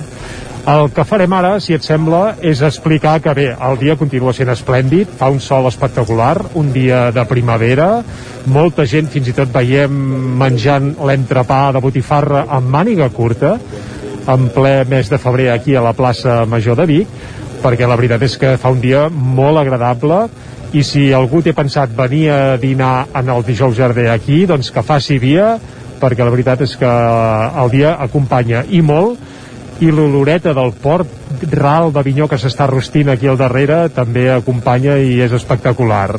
A més, també continuen fent-se botifarres, ja han començat a les 9 del matí i no pararan pas fins al vespre, botifarra negra, botifarra convencional, també botifarra blanca, també cancel·lada virada, tot això amb entrepans, evidentment ben regat, amb cerveses i vins, vull dir que tothom que s'atansi a la plaça Major de Vic, de gana, no, No passarà. pas. Molt bé. I ara el que farem, Isaac, si et sembla, és conversar amb el president d'Osona Cuina, que és el Jordi Aromí, del restaurant L'Arca de Santa Eugènia de Berga. Ara l'entrevistes tu, eh? Perquè m'han explicat que abans t'ha entrevistat ell i tu. De fet. Sí, uh, aquelles coses que passen.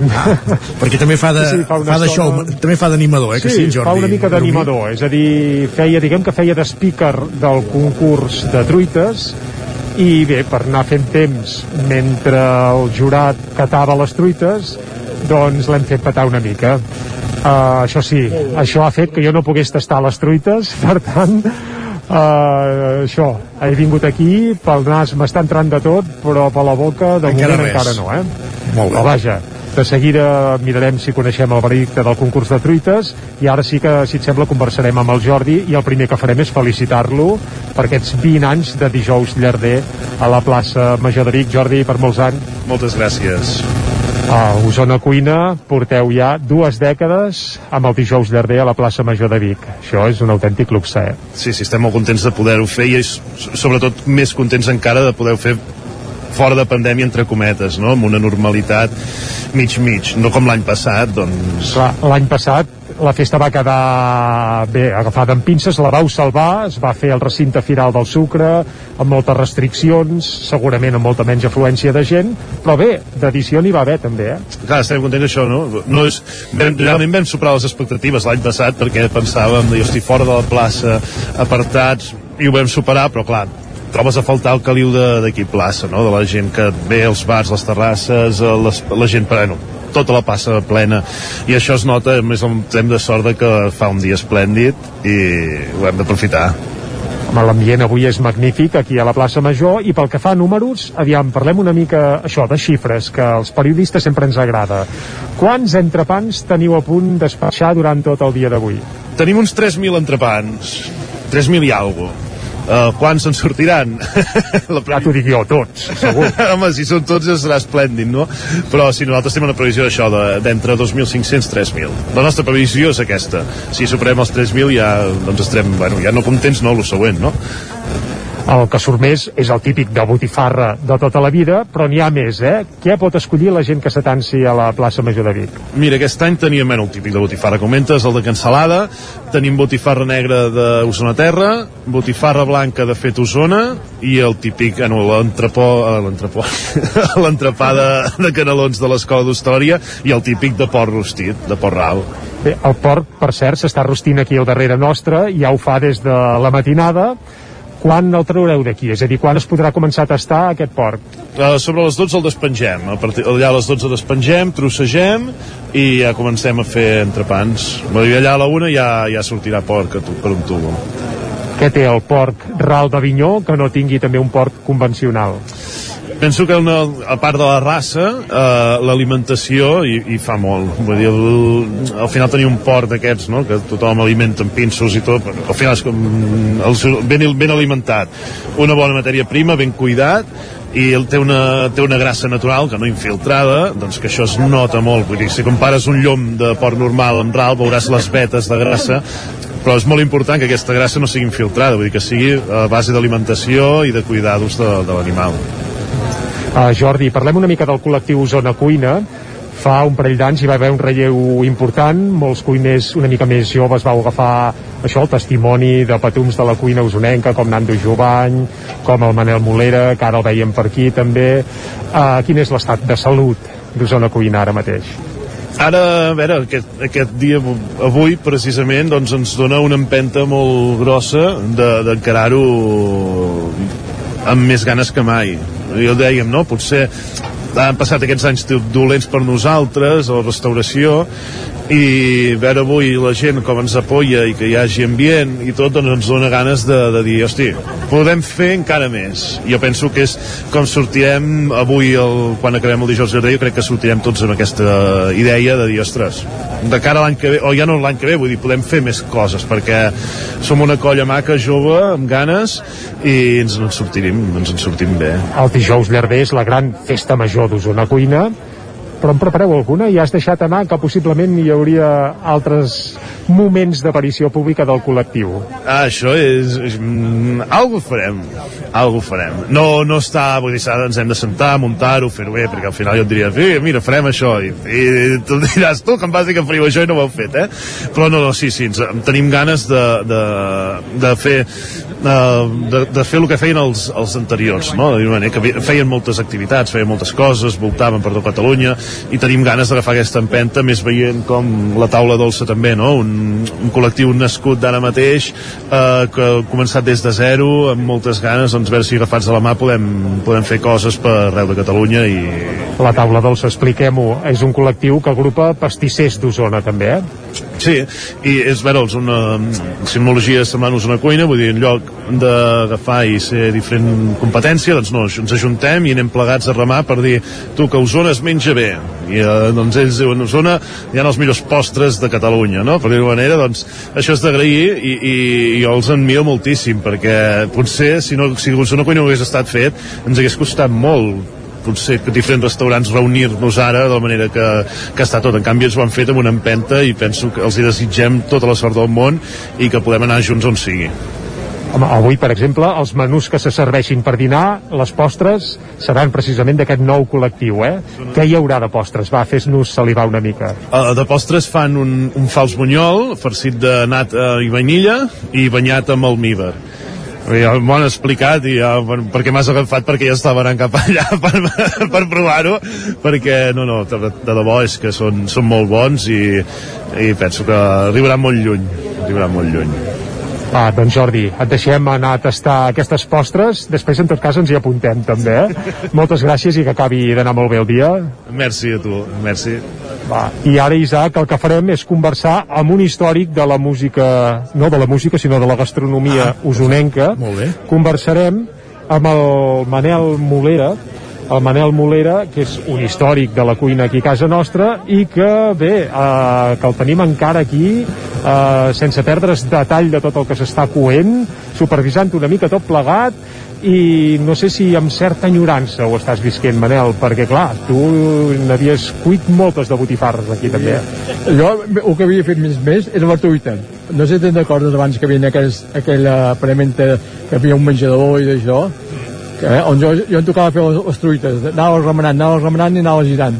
I com que veig un, un, de pastissos, un concurs de pastissos, això sí que em porta enyorança, perquè eh, el meu era la truita, sí, sí. Però bueno, i a més a més, veure els companys d'Osona Cuina i tot això, això em porta molta enyorança. O sigui, un cop a l'any trobant-nos i d'això, molt bé, molt bé. Ja, ja, ja hem fet el primer premi, sí, sí. El relleu als fogons d'Osona està asseguradíssim amb aquests joves cuiners que pugen, eh? Quin nivell? Sí, sí, home, jo crec que sí. Jo crec que Osona Cuina, la, la part gran, vam fer bé de fer un, un pas enrere perquè tenim que donar pas sempre als joves i els joves quan, quan es facin grans també tenen que fer el mateix Eh, la vida té de fer anar, anar, anar renovant coses anar renovant coses, no podem quedar quiets i això el que estan fent a la jovent nou és perfecte o sigui que jo, jo, jo, jo més que un 10 doncs va, amb aquest més que un 10 ens quedem des d'aquí, des de la plaça Major, on ara mateix s'està dient dir, sí? el veredicte del concurs de truites. Doncs tenim I no dos sé minuts si arribarem per- a temps, sí, tenim dos Isaac, a facilitar-lo, a dir-lo abans de- d'anar a la pausa de publicitat, però eh, jo crec que sí que hi arribarem sí, sí. i podem afirmar ja ara mateix que el guanyador del concurs de truites és... Tatxan, tatxan... Timbals. L'Oriol Balaguer. Premi a la millor truita d'Osona. Oriol Balaguer ha guanyat el premi a la millor truita d'Osona, s'endú 150 euros de premi que pot bescanviar qualsevol dels restaurants d'Osona Cuina. Per tant, la millor truita d'Osona, la que fa l'Oriol Balaguer. I podem- I amb aquest veredicte d'optimíssima hora, Isaac, si et sembla, tanquem la connexió des de la plaça Major de Vic. Oh, i tant. Eh, ens recordes la truita que ha fet l'Oriol? O no la tens present ara, eh? Yeah. Doncs se sent en Jordi. Doncs això, eh, ja hem sentit l'Oriol Balaguer, el guanyador d'aquest concurs de truites eh, en el marc d'aquest dijous llarder, una festa que arriba al seu 20è aniversari que avui se celebra a la plaça Major de Vic que incloi com a novetat aquest concurs de truites. El concurs de truites en si no és nou, sí que és nou el mètode, perquè aquesta vegada en lloc de portar-la feta de casa, la truita s'havia de fer allà in situ, en directe. I com dèiem, Oriol Balaguer ha estat el guanyador d'aquest concurs amb la millor truita d'Osona 2022 per tant, una de les incògnites una de les incògnites resoltes d'aquest matí del dijous llarder a la plaça Major de Vic, allà hi havia, hi ha el nostre company Jordi Sunyer ell ha fet un seguiment abans de, de com s'elaboraven aquestes truites entre aquests sis participants i ara estàvem a l'espera d'aquest veredicte del jurat que arribava en plena connexió mentre conversàvem amb Manel Molera, un cuiner històric de la comarca d'Osona, de l'anterior etapa d'Osona Cuina, i el dijous llarders també això, un punt de trobada, no només dels cuiners del col·lectiu actual, sinó també dels, dels històrics. I també hem conversat amb Jordi Aromí, el president de- d'Osona Cuina, el col·lectiu que organitza aquesta festa, el col·lectiu de bona part de, de cuiners de diferents restaurants de, de la comarca d'Osona, que fa activitats durant l'any però que la seva festa grossa, la seva festa major és la del dijous llarder, un dijous llarder a més petita escala que aquest que recordava Manel Molera quan es muntava la gran carpa al mig de la plaça major de Vic, amb taules on s'hi podien fer àpats entaulats ara és més a base d'entrepans però que es manté la flama d'aquesta festa. Recordem que se serveixen entrepans a la plaça major des de les 9 del matí i se'n continuaran servint fins a ben dinat perquè un dels al·licins també és el dinar amb aquests entrepans de porc rostit, de botifarra, de caneló en fi, tota aquesta gamma gastronòmica avui relacionada amb la festa del porc i la botifarra a la plaça Major de Vic. I hem connectat en directe al Territori 17, que ara continua després de la pausa amb la resta de continguts del dia. El nou FM, la ràdio de casa, al 92.8. A la Clínica Dental Sant Fortià hi trobareu un equip professional que treballa de manera coordinada per oferir un tracte sensible i humà. Estem preparats per qualsevol urgència dental i oferim accions preventives per la tercera edat i els infants. I aquest carnaval, vine disfressat i emporta't un regal. Clínica Dental Sant Fortià. Ens trobareu a la plaça Sant Fortià número 9 de Torelló al 93 859 6408 i al 690 92 51 99.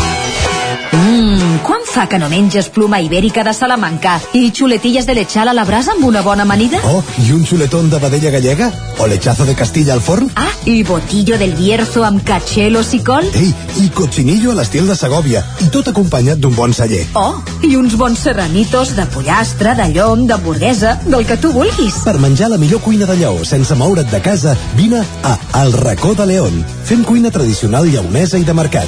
Vine amb la família, amb els amics, amb la parella o sol. T'encantarà. El racó de León. Som al carrer Torelló 35 de Vic. Reserves 93 889 1950. Tanquem els dimarts. El racó de León. Vine a tastar una cuina diferent. Cefosol, centre de formació de soldadura GURB. Som especialistes en processos de soldadura. Disposem d'instal·lacions totalment equipades per a classes de teòrica i pràctica amb cabines individuals i equipaments de seguretat. Assessorem empreses i oferim cursos subvencionats i bonificats. Vine i t'informarem. Cefosol, som al carrer Sant Roc número 9 de GURB. Telèfon 664 206 192. També ens trobaràs a cefosol.com i a YouTube.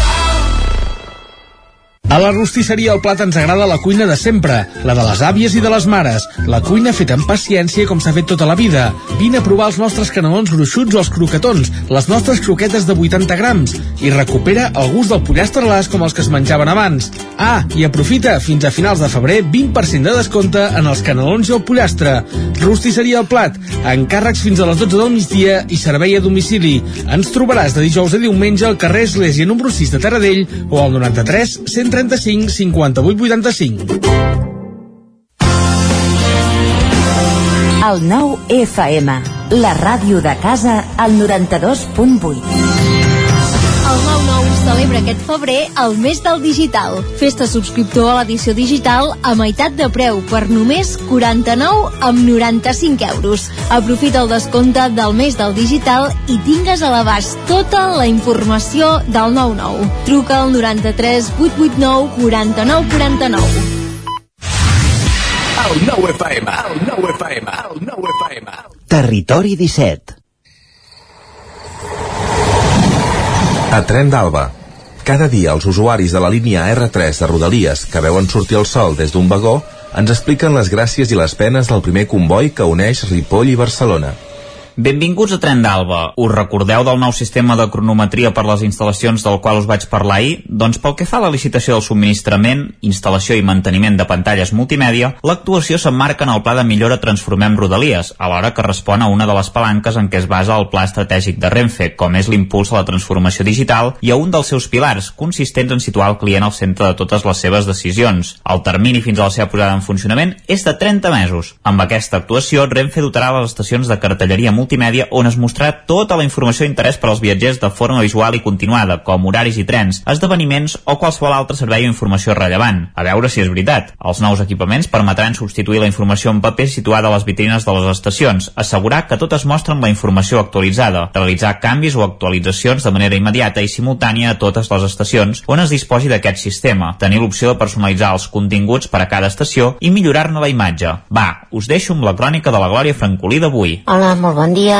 Aquí la Glòria, des de Torelló. Avui el tren que ha sortit de Barcelona Sants a les 17.32 ha arribat a Torelló amb 5 minuts de retard. I avui ha anat molt bé perquè he comprovat que puc fer reunions a través de... mentre viatjo. No sé si us recordeu que fa un temps us vaig explicar que havia vist un senyor que tenia una reunió i que va estar tot el trajecte des de, des de Barcelona fins a Vic, que és on va baixar, reunit. I que va fer diverses intervencions que van poder sentir tots els del tren. Doncs això em va donar la idea, em sembla que jo us ho vaig dir, de que si mai em trobem amb l'ocasió, jo també ho podria fer. I uh, aquesta tarda ha arribat el moment, jo tenia una reunió a dos quarts de cinc, i a tres quarts de cinc me n'he d'anar de l'oficina per poder agafar aquest tren que us he dit de dos quarts de sis de la tarda. I sí, sí, tinc el sistema de comunicació que fem servir internament a l'empresa dins del mòbil i he seguit tota la reunió des, de, des del mòbil, cosa que ha anat superbé perquè quan he arribat a l'estació de Sants, que normalment tardo 30-35 minuts més o menys, ha sigut l'estona que, que ha durat aquesta reunió, que era curta, jo no havia d'intervenir, és a dir, no, no havia de, de fer masses aportacions i per tant era un bon moment doncs, per fer la prova. La veritat és que no he perdut la connexió en cap moment i que ha anat molt bé. I llavors el viatge de tornada ha sigut molt plàcid. Avui només he escoltat música perquè estava molt cansada, això de tornar a aquesta normalitat d'abans eh, porta el seu temps d'adaptació i, i per tant fora d'escoltar música no he fet res més doncs no res, espero que tots i totes passeu molt bon dia També m'imagino que si haguessis hagut d'intervenir hagués estat diferent. Per sort, el fet de només haver d'escoltar és com aquell que escolta una tertúlia, que tampoc cal que vegi les persones que hi participen. Va, ens retrobem demà amb més històries del tren i de l'R3. Sap greu desmentir-te, muntades, però puc donar fe que es poden fer reunions al tren És més, aquest estiu vaig fer una reunió del Territori 17 en ple trajecte Vic-Barcelona i va anar tot, no diré com una seda, però es va poder fer la reunió, es va poder fer seguir tranquil·lament. Dit això, continua el Territori 17 quan passen 3 minuts i mig de dos quarts de 12. Territori 17 El nou FM, la veu de Sant Joan, Ona Codinenca, Ràdio Cardedeu, Territori 17 i continua el Territori 17 en aquest matí de dijous 24 de febrer del 2022, un dijous que ens hem llevat amb la notícia dels atacs de Rússia a Ucraïna, que han passat moltes coses, hem connectat amb el dijous Llarder de Vic, també us hem informat aquest matí de notícies d'última hora, com per exemple el fet que semblaria que el govern s'obrirà a incloure el Ripollès, el Solsonès i el Berguedà a la consulta sobre els Jocs Olímpics d'hivern, arran d'una moció que es debat aquest matí al Parlament d'en Comú Podem, però que semblaria que hauria aconseguit l'acord amb Junts i Esquerra per, per donar-hi suport. I una altra de les notícies del matí que donàvem és aquest premi de la Bonoloto a la ciutat de Vic. 464.000 euros. Una bulleta amb sis encerts que es va validar al cau del drac en el sorteig d'aquest dimecres. I va haver dues butlletes guanyadores de primera categoria, com dèiem sis encerts. Una la van validar al cau del drac de Vic. Del carrer Manlleu, la Fortunat o Fortunada s'han portat la mòdica xifra de 464.023 euros. Algun lingot d'or que dels que parlàvem abans a la plaça podria comprar amb aquesta quantitat. I ara sí, dit això, és moment d'entrar al cinema al Territori 17, com fem cada dijous a aquesta hora, en companyia de Joan Garcia i Gerard Foses des de la veu de Sant Joan.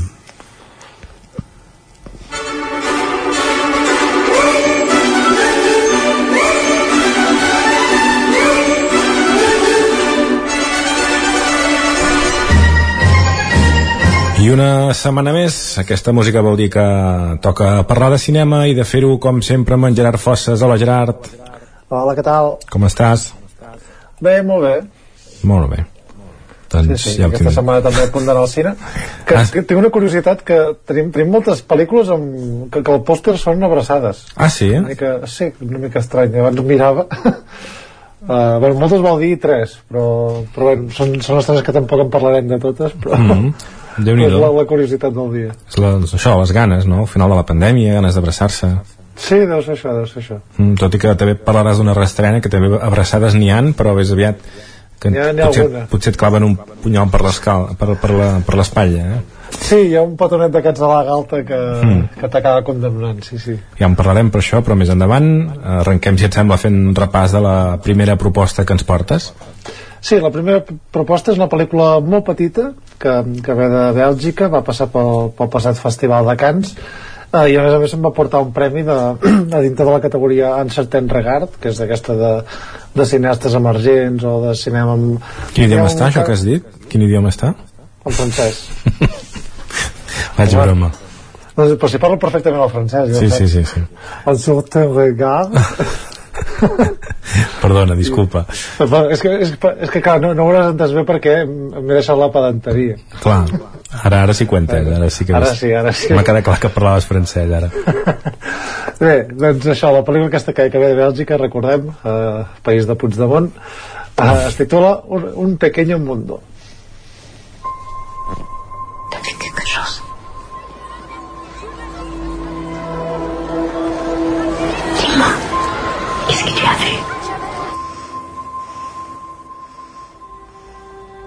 Allez, bonne journée.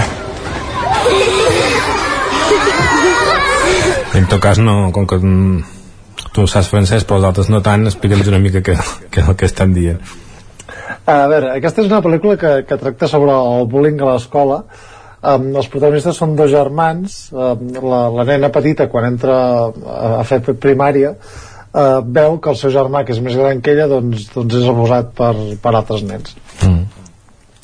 I a partir d'aquí doncs, es, es genera com una mena de, de debat o història sobre com ho pot fer per ajudar el seu germà sense rebre ella també les, les conseqüències no? una mica aquesta um, valentia, covardia de no saber com gestionar aquest tipus d'accions i això diguem que és més el, el nivell argumental però al final el més interessant és aquesta mirada que fa la pel·lícula sobre, sobre la violència, sobre la crueltat i, i aquesta, això, aquesta crueltat en el món infantil que a vegades surt d'una manera molt natural el, el de per què fem mal als altres o per què els ajudem que a vegades es fa d'una manera pràcticament inconscient com per experimentar i això genera a vegades eh, problemes no? però també forma part del creixement i aquesta mirada tan, tan freda i, i distant que, que, port, que porta la pel·lícula doncs fa que realment doncs, se t'encongeixi l'estómac no? i és, mm. és, és una pel·lícula realment eh, molt interessant perquè no, no és gens adoctrinadora no vol ser bonista mm, no vol solucionar res simplement exposa un retrat molt, molt ric i molt, molt viscut d'aquesta problemàtica que, que existeix a tot arreu mm -hmm tot cas això no és pas una pel·lícula per passar-ho bé, eh? No, gens, gens. És d'aquestes que, que des del principi estàs angoixat i a més a més això, com que els protagonistes són nens, que ja és una cosa que, que hi afegeix més, però és una pel·lícula bastant cruel, realment. Mm. I, I crec que això li dona un, un punt a favor de que no, de no fer, el fet de no entrar en moralismes, no? També, que a vegades és interessant que ens posin aquests reptes davant dels ulls. Mm. Molt bé, la fan al sucre. Mm eh, això és per anar a reveure amb nens allà al Sucre Park eh... sí, exacte sessió doble de bolos mm. i, i mm. aquesta un pequeño mundo molt bé, anem per la següent uh, anem a la segona uh, que és una pel·lícula de producció espanyola dirigida per uns, uns directors argentins que són Gastón Duprat i Mario Con uh, la pel·lícula es titula Competencia Oficial financiar una película con los mejores. Son los actores ideales para esto. Iván Torres y Félix Rivero. ¿Son los mejores? A ver, ¿cómo se lo cuento? Toda la suerte, compañero. Te hará falta. Iván es el maestro de actores y Félix es, pues, una estrella a nivel mundial. ¿Vosotros tenéis hijos? Sí, cinco. ¿Todos con la misma? Sí, sí, todos con esta. Molt bé, la, la Penelope Cruz fa accents, no, també? No, si no la coneixes de res diries que no és espanyola, ja està fent un accent aquí... Sí, exacte. De fet, em sembla que fa de, de cineasta argentina, crec. Mm. Ara tinc, tinc el dubte, però sí, em sembla que és com de cineasta argentina. I, i és interessant que la col·loquin justament ella amb el paper de, de fer de directora. Mm. Aquí el que ens trobem és, és una comèdia negra, comèdia àcida, eh, al voltant del món del cine és bàsicament un empresari que decideix com a llegat eh, produir una pel·lícula que, que exalti una mica la seva figura i, i agafa doncs, la gent més important de, del sector no? agafa aquesta directora eh, que és Penelope Cruz llavors un actor de cinema que és Antonio Banderas que és un espanyol també emigrat als Estats Units no? una mica aquest to d'autoparòdia mm. i un actor de teatre com Oscar Martínez que també és eh, un actor argentí que també ha fet diverses pel·lícules amb aquests directors i diem que la, la pel·lícula al final gira al voltant de, de com estan fent aquesta producció de la mala relació que existeix entre els dos actors, de tots els reptes que els hi posa la directora, no? aquest punt de megalomania que sempre han tingut tradicionalment els directors i directores de, de cinema. Mm -hmm. I al final és això, és, és com una paròdia amb esquetxos varis, molt, molt aguda, amb un punt de sàtira important sobre també el que representa el fer una pel·lícula i això, aquesta gestió d'egos i això, una pel·lícula bastant divertida sobre el món del cinema. I a més a més aquests, aquests dos directors ja tenen una trajectòria en, en fer pel·lícules que parlen sobre l'ego de, dels artistes, no? una mica de, des d'aquesta falta d'ètica vista sempre des del sentit de l'humor, aquesta golatria desfermada.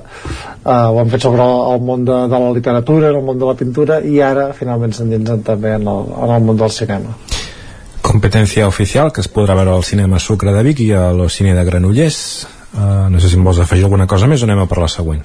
Anem a per la següent. Doncs uh, l'enxufo Uh, sí, posa el tràiler i en parlem. És un tràiler silenciós perquè només hi ha música, però ara, ara en parlem de seguida.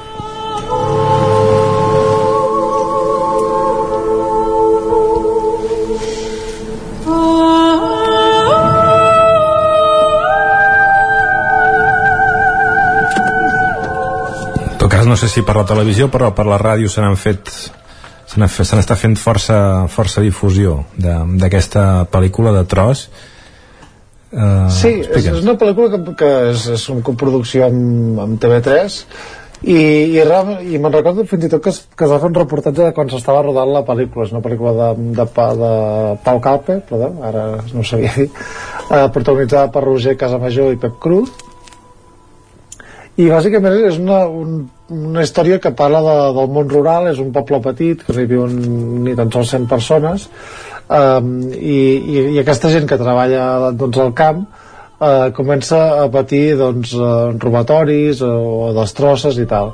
I a partir d'aquí doncs, comença una, una vigilància nocturna eh, que, que bé que, que els serveix doncs, per intentar solucionar aquest problema um, i llavors el, la història humana que hi ha al darrere doncs és la, aquest retorn de, del fill a casa i, i, que ve de la ciutat i aquesta retrobada amb el pare.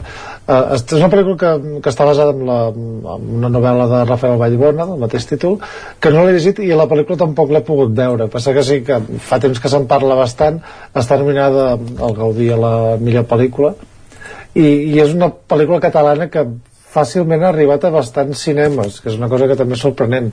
Um, justament la fan també al Sucre de Vic, fan a la cine de Granollers, mm.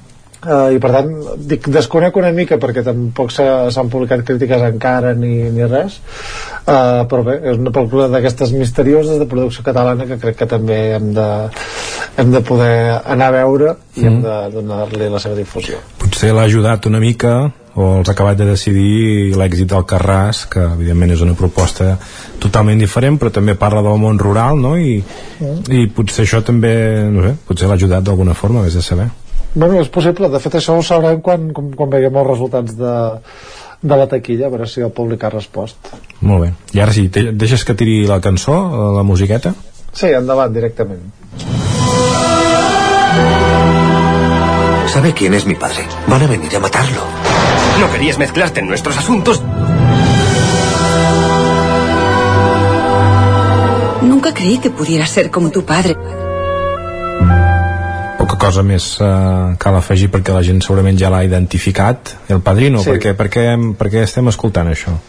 Uh, doncs perquè la podrem veure en algunes sales de, de tot Espanya malauradament de moment almenys no podrem veure cap uh, cinema ni moltes sales proper Uh, però s'ha restrenat uh, El Padrino, uh, aprofitant que, que se celebra el, el 50è aniversari de, de la seva estrena i se n'ha fet tota una remasterització i una reedició de la pel·lícula en 4K uh, sense canviar el muntatge de la pel·lícula ni res, eh? no és allò típic que es passa del muntatge del director com per exemple va passar amb el Padrino 3 justament, que van estrenar un nou muntatge i que està disponible a Filmin si algú té la, la curiositat uh -huh. Aquí simplement és la mateixa pel·lícula remasteritzada amb, amb el seu màxim esplendor. I, i bé, si hi ha l'oportunitat de, de veure la sala doncs s'ha de gaudir perquè és un d'aquests grans clàssics immortals de, de la del cinema d'aquelles que és ah, bueno, que, que tothom considera que és una de les millors pel·lícules de la història uh -huh. i per tant seria fantàstic que pogués arribar a un cine proper de, de les nostres contrades uh -huh. i, i poder-la disfrutar però si no, eh, sempre es pot viatjar a Barcelona o el que sigui i aprofitar una tarda per veure-la un dubte tècnic, és possible que no em sàpiga respondre i no passaria res tampoc no suis, però mm, el, el, el cinema, el, la, la pel·lícula eh, uh. física, és a dir, la sí. gelatina i tot això, encara no, no, no, es, no es podia aconseguir més qualitat que 4K vull dir, no és, encara tornat a passar la, la, la cinta no es pot aconseguir una qualitat més alta? Doncs ho desconec, la veritat. Mm. O sigui, al final el, aquestes remasteritzacions agafen la, la còpia en, en pel·lícula física, suposo mm. la, les còpies que tinguin, i el que fan és doncs, retocar-li la llum, el color doncs, per, per passar-lo al digital que al final mm. també que, que, que, que, diguem que canviar la textura mm. doncs s'ha de tornar a retocar a nivell de d'imatge pel que es veu el tràiler fa bastanta bona pinta um, o sigui que ja, ja veurem abans és una cosa que, que cuiden bastant els directors i és una aposta seva, en aquest cas no sé si és, si és una aposta de Coppola Uh, sí que és veritat que el Coppola ha fet els seus vídeos promocionals perquè la gent vagi a veure la pel·lícula i tal, però no sé si ell ha estat amb el, amb el control d'aquesta remasterització. Molt bé. Doncs uh, seguim, si et sembla, ja fem un repàs a la resta de, de cinemes del nostre territori.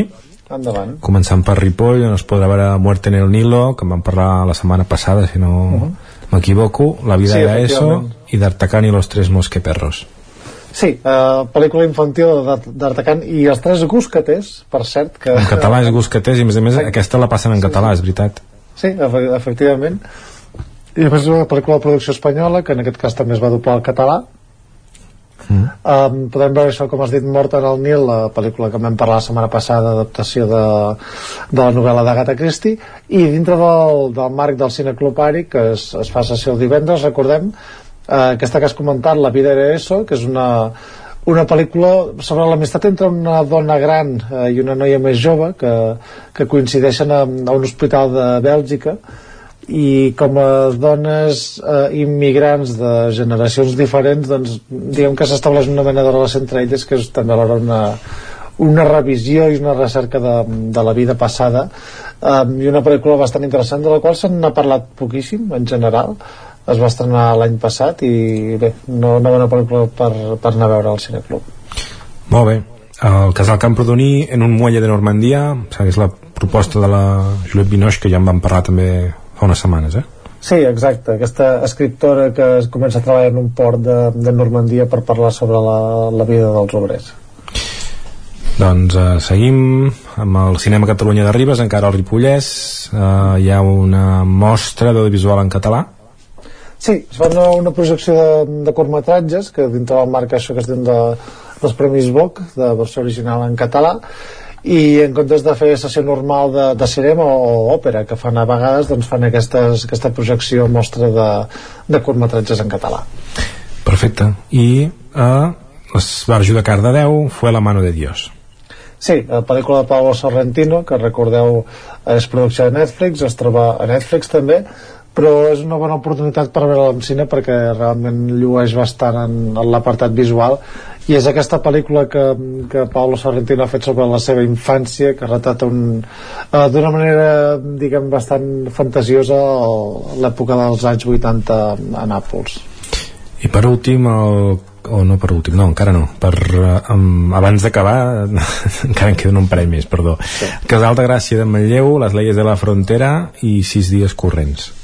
Sí, aquesta pel·lícula de les lleis de la frontera, cinema kinky, situat a Girona, guanyadora de, de diversos Goya, uh, és aquesta pel·lícula que ara està com molt en boga dintre de, del cicle Gaudí, no? que fa la ruta per tots els cinemes, ja, ja n'hem anat parlant, i Sis dies corrents, també pel·lícula de, de la Neus Ballús, en aquest cas el Casal de Gràcia de Malleu aposta per una doble sessió de, de cinema en català.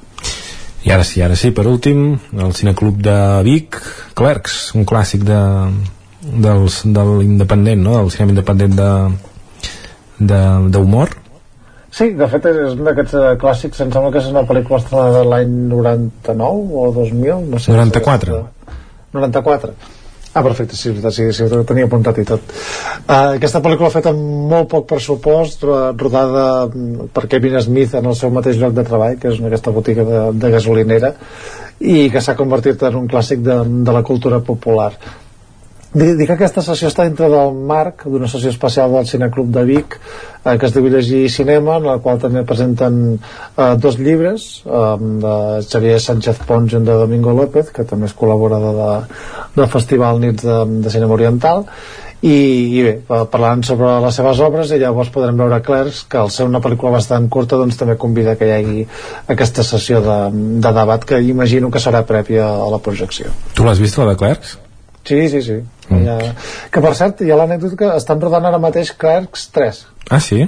Sí, mol, molts anys després de- d'haver estrenat la segona, eh, Kevin Smith ha decidit apostar per fer la tercera, a veure si, si arribarà a tenir la mateixa rellevància que va tenir Clerks en el seu moment. Mm. Jo diria que, que la vaig començar a veure no vaig aconseguir acabar-la. No? Et va agradar? Mm, no, no ho recordo però no, no és fàcil, la gent ara que no es pensi que és, que és fàcil potser si te la mires també amb aquesta visió de de- d'entendre el context i el moment i que poder, poder t'hi aju- t'hi ajuda, eh? perquè a més a més això visualment està feta amb, amb, amb una mà a cada butxaca no? vull dir que no, no, tenien, Sí, sí. no tenien gaires mitjans i és, No, i, i de fet la pel·lícula està en blanc i negre perquè quedava millor, bàsicament. Mm, perquè està, estava mal il·luminada. ah, t'estalvies de, de, de retocar el color clar. Sí, exacte. Molt bé, en tot cas això un clàssic que s'ha de veure um, i ara sí, ja ho deixem aquí Molt bé, doncs sí, ja ens veiem la setmana que ve amb més estrenes. perfecte, que vagi molt bé adeu-siau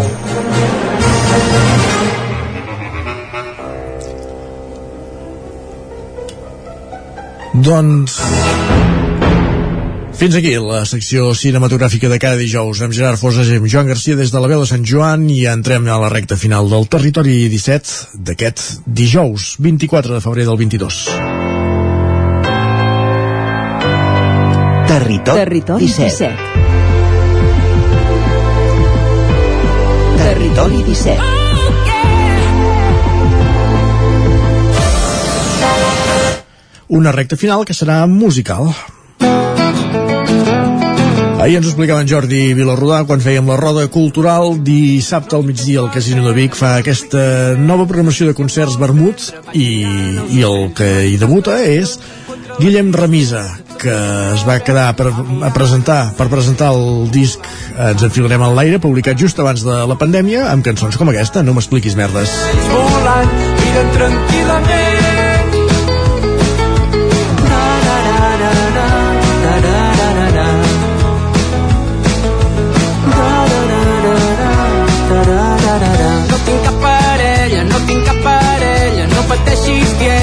estimar de veritat. Manifestacions en contra la tristesa, tota gent rebel que va mirant els ocells volant, va mirant el que fan.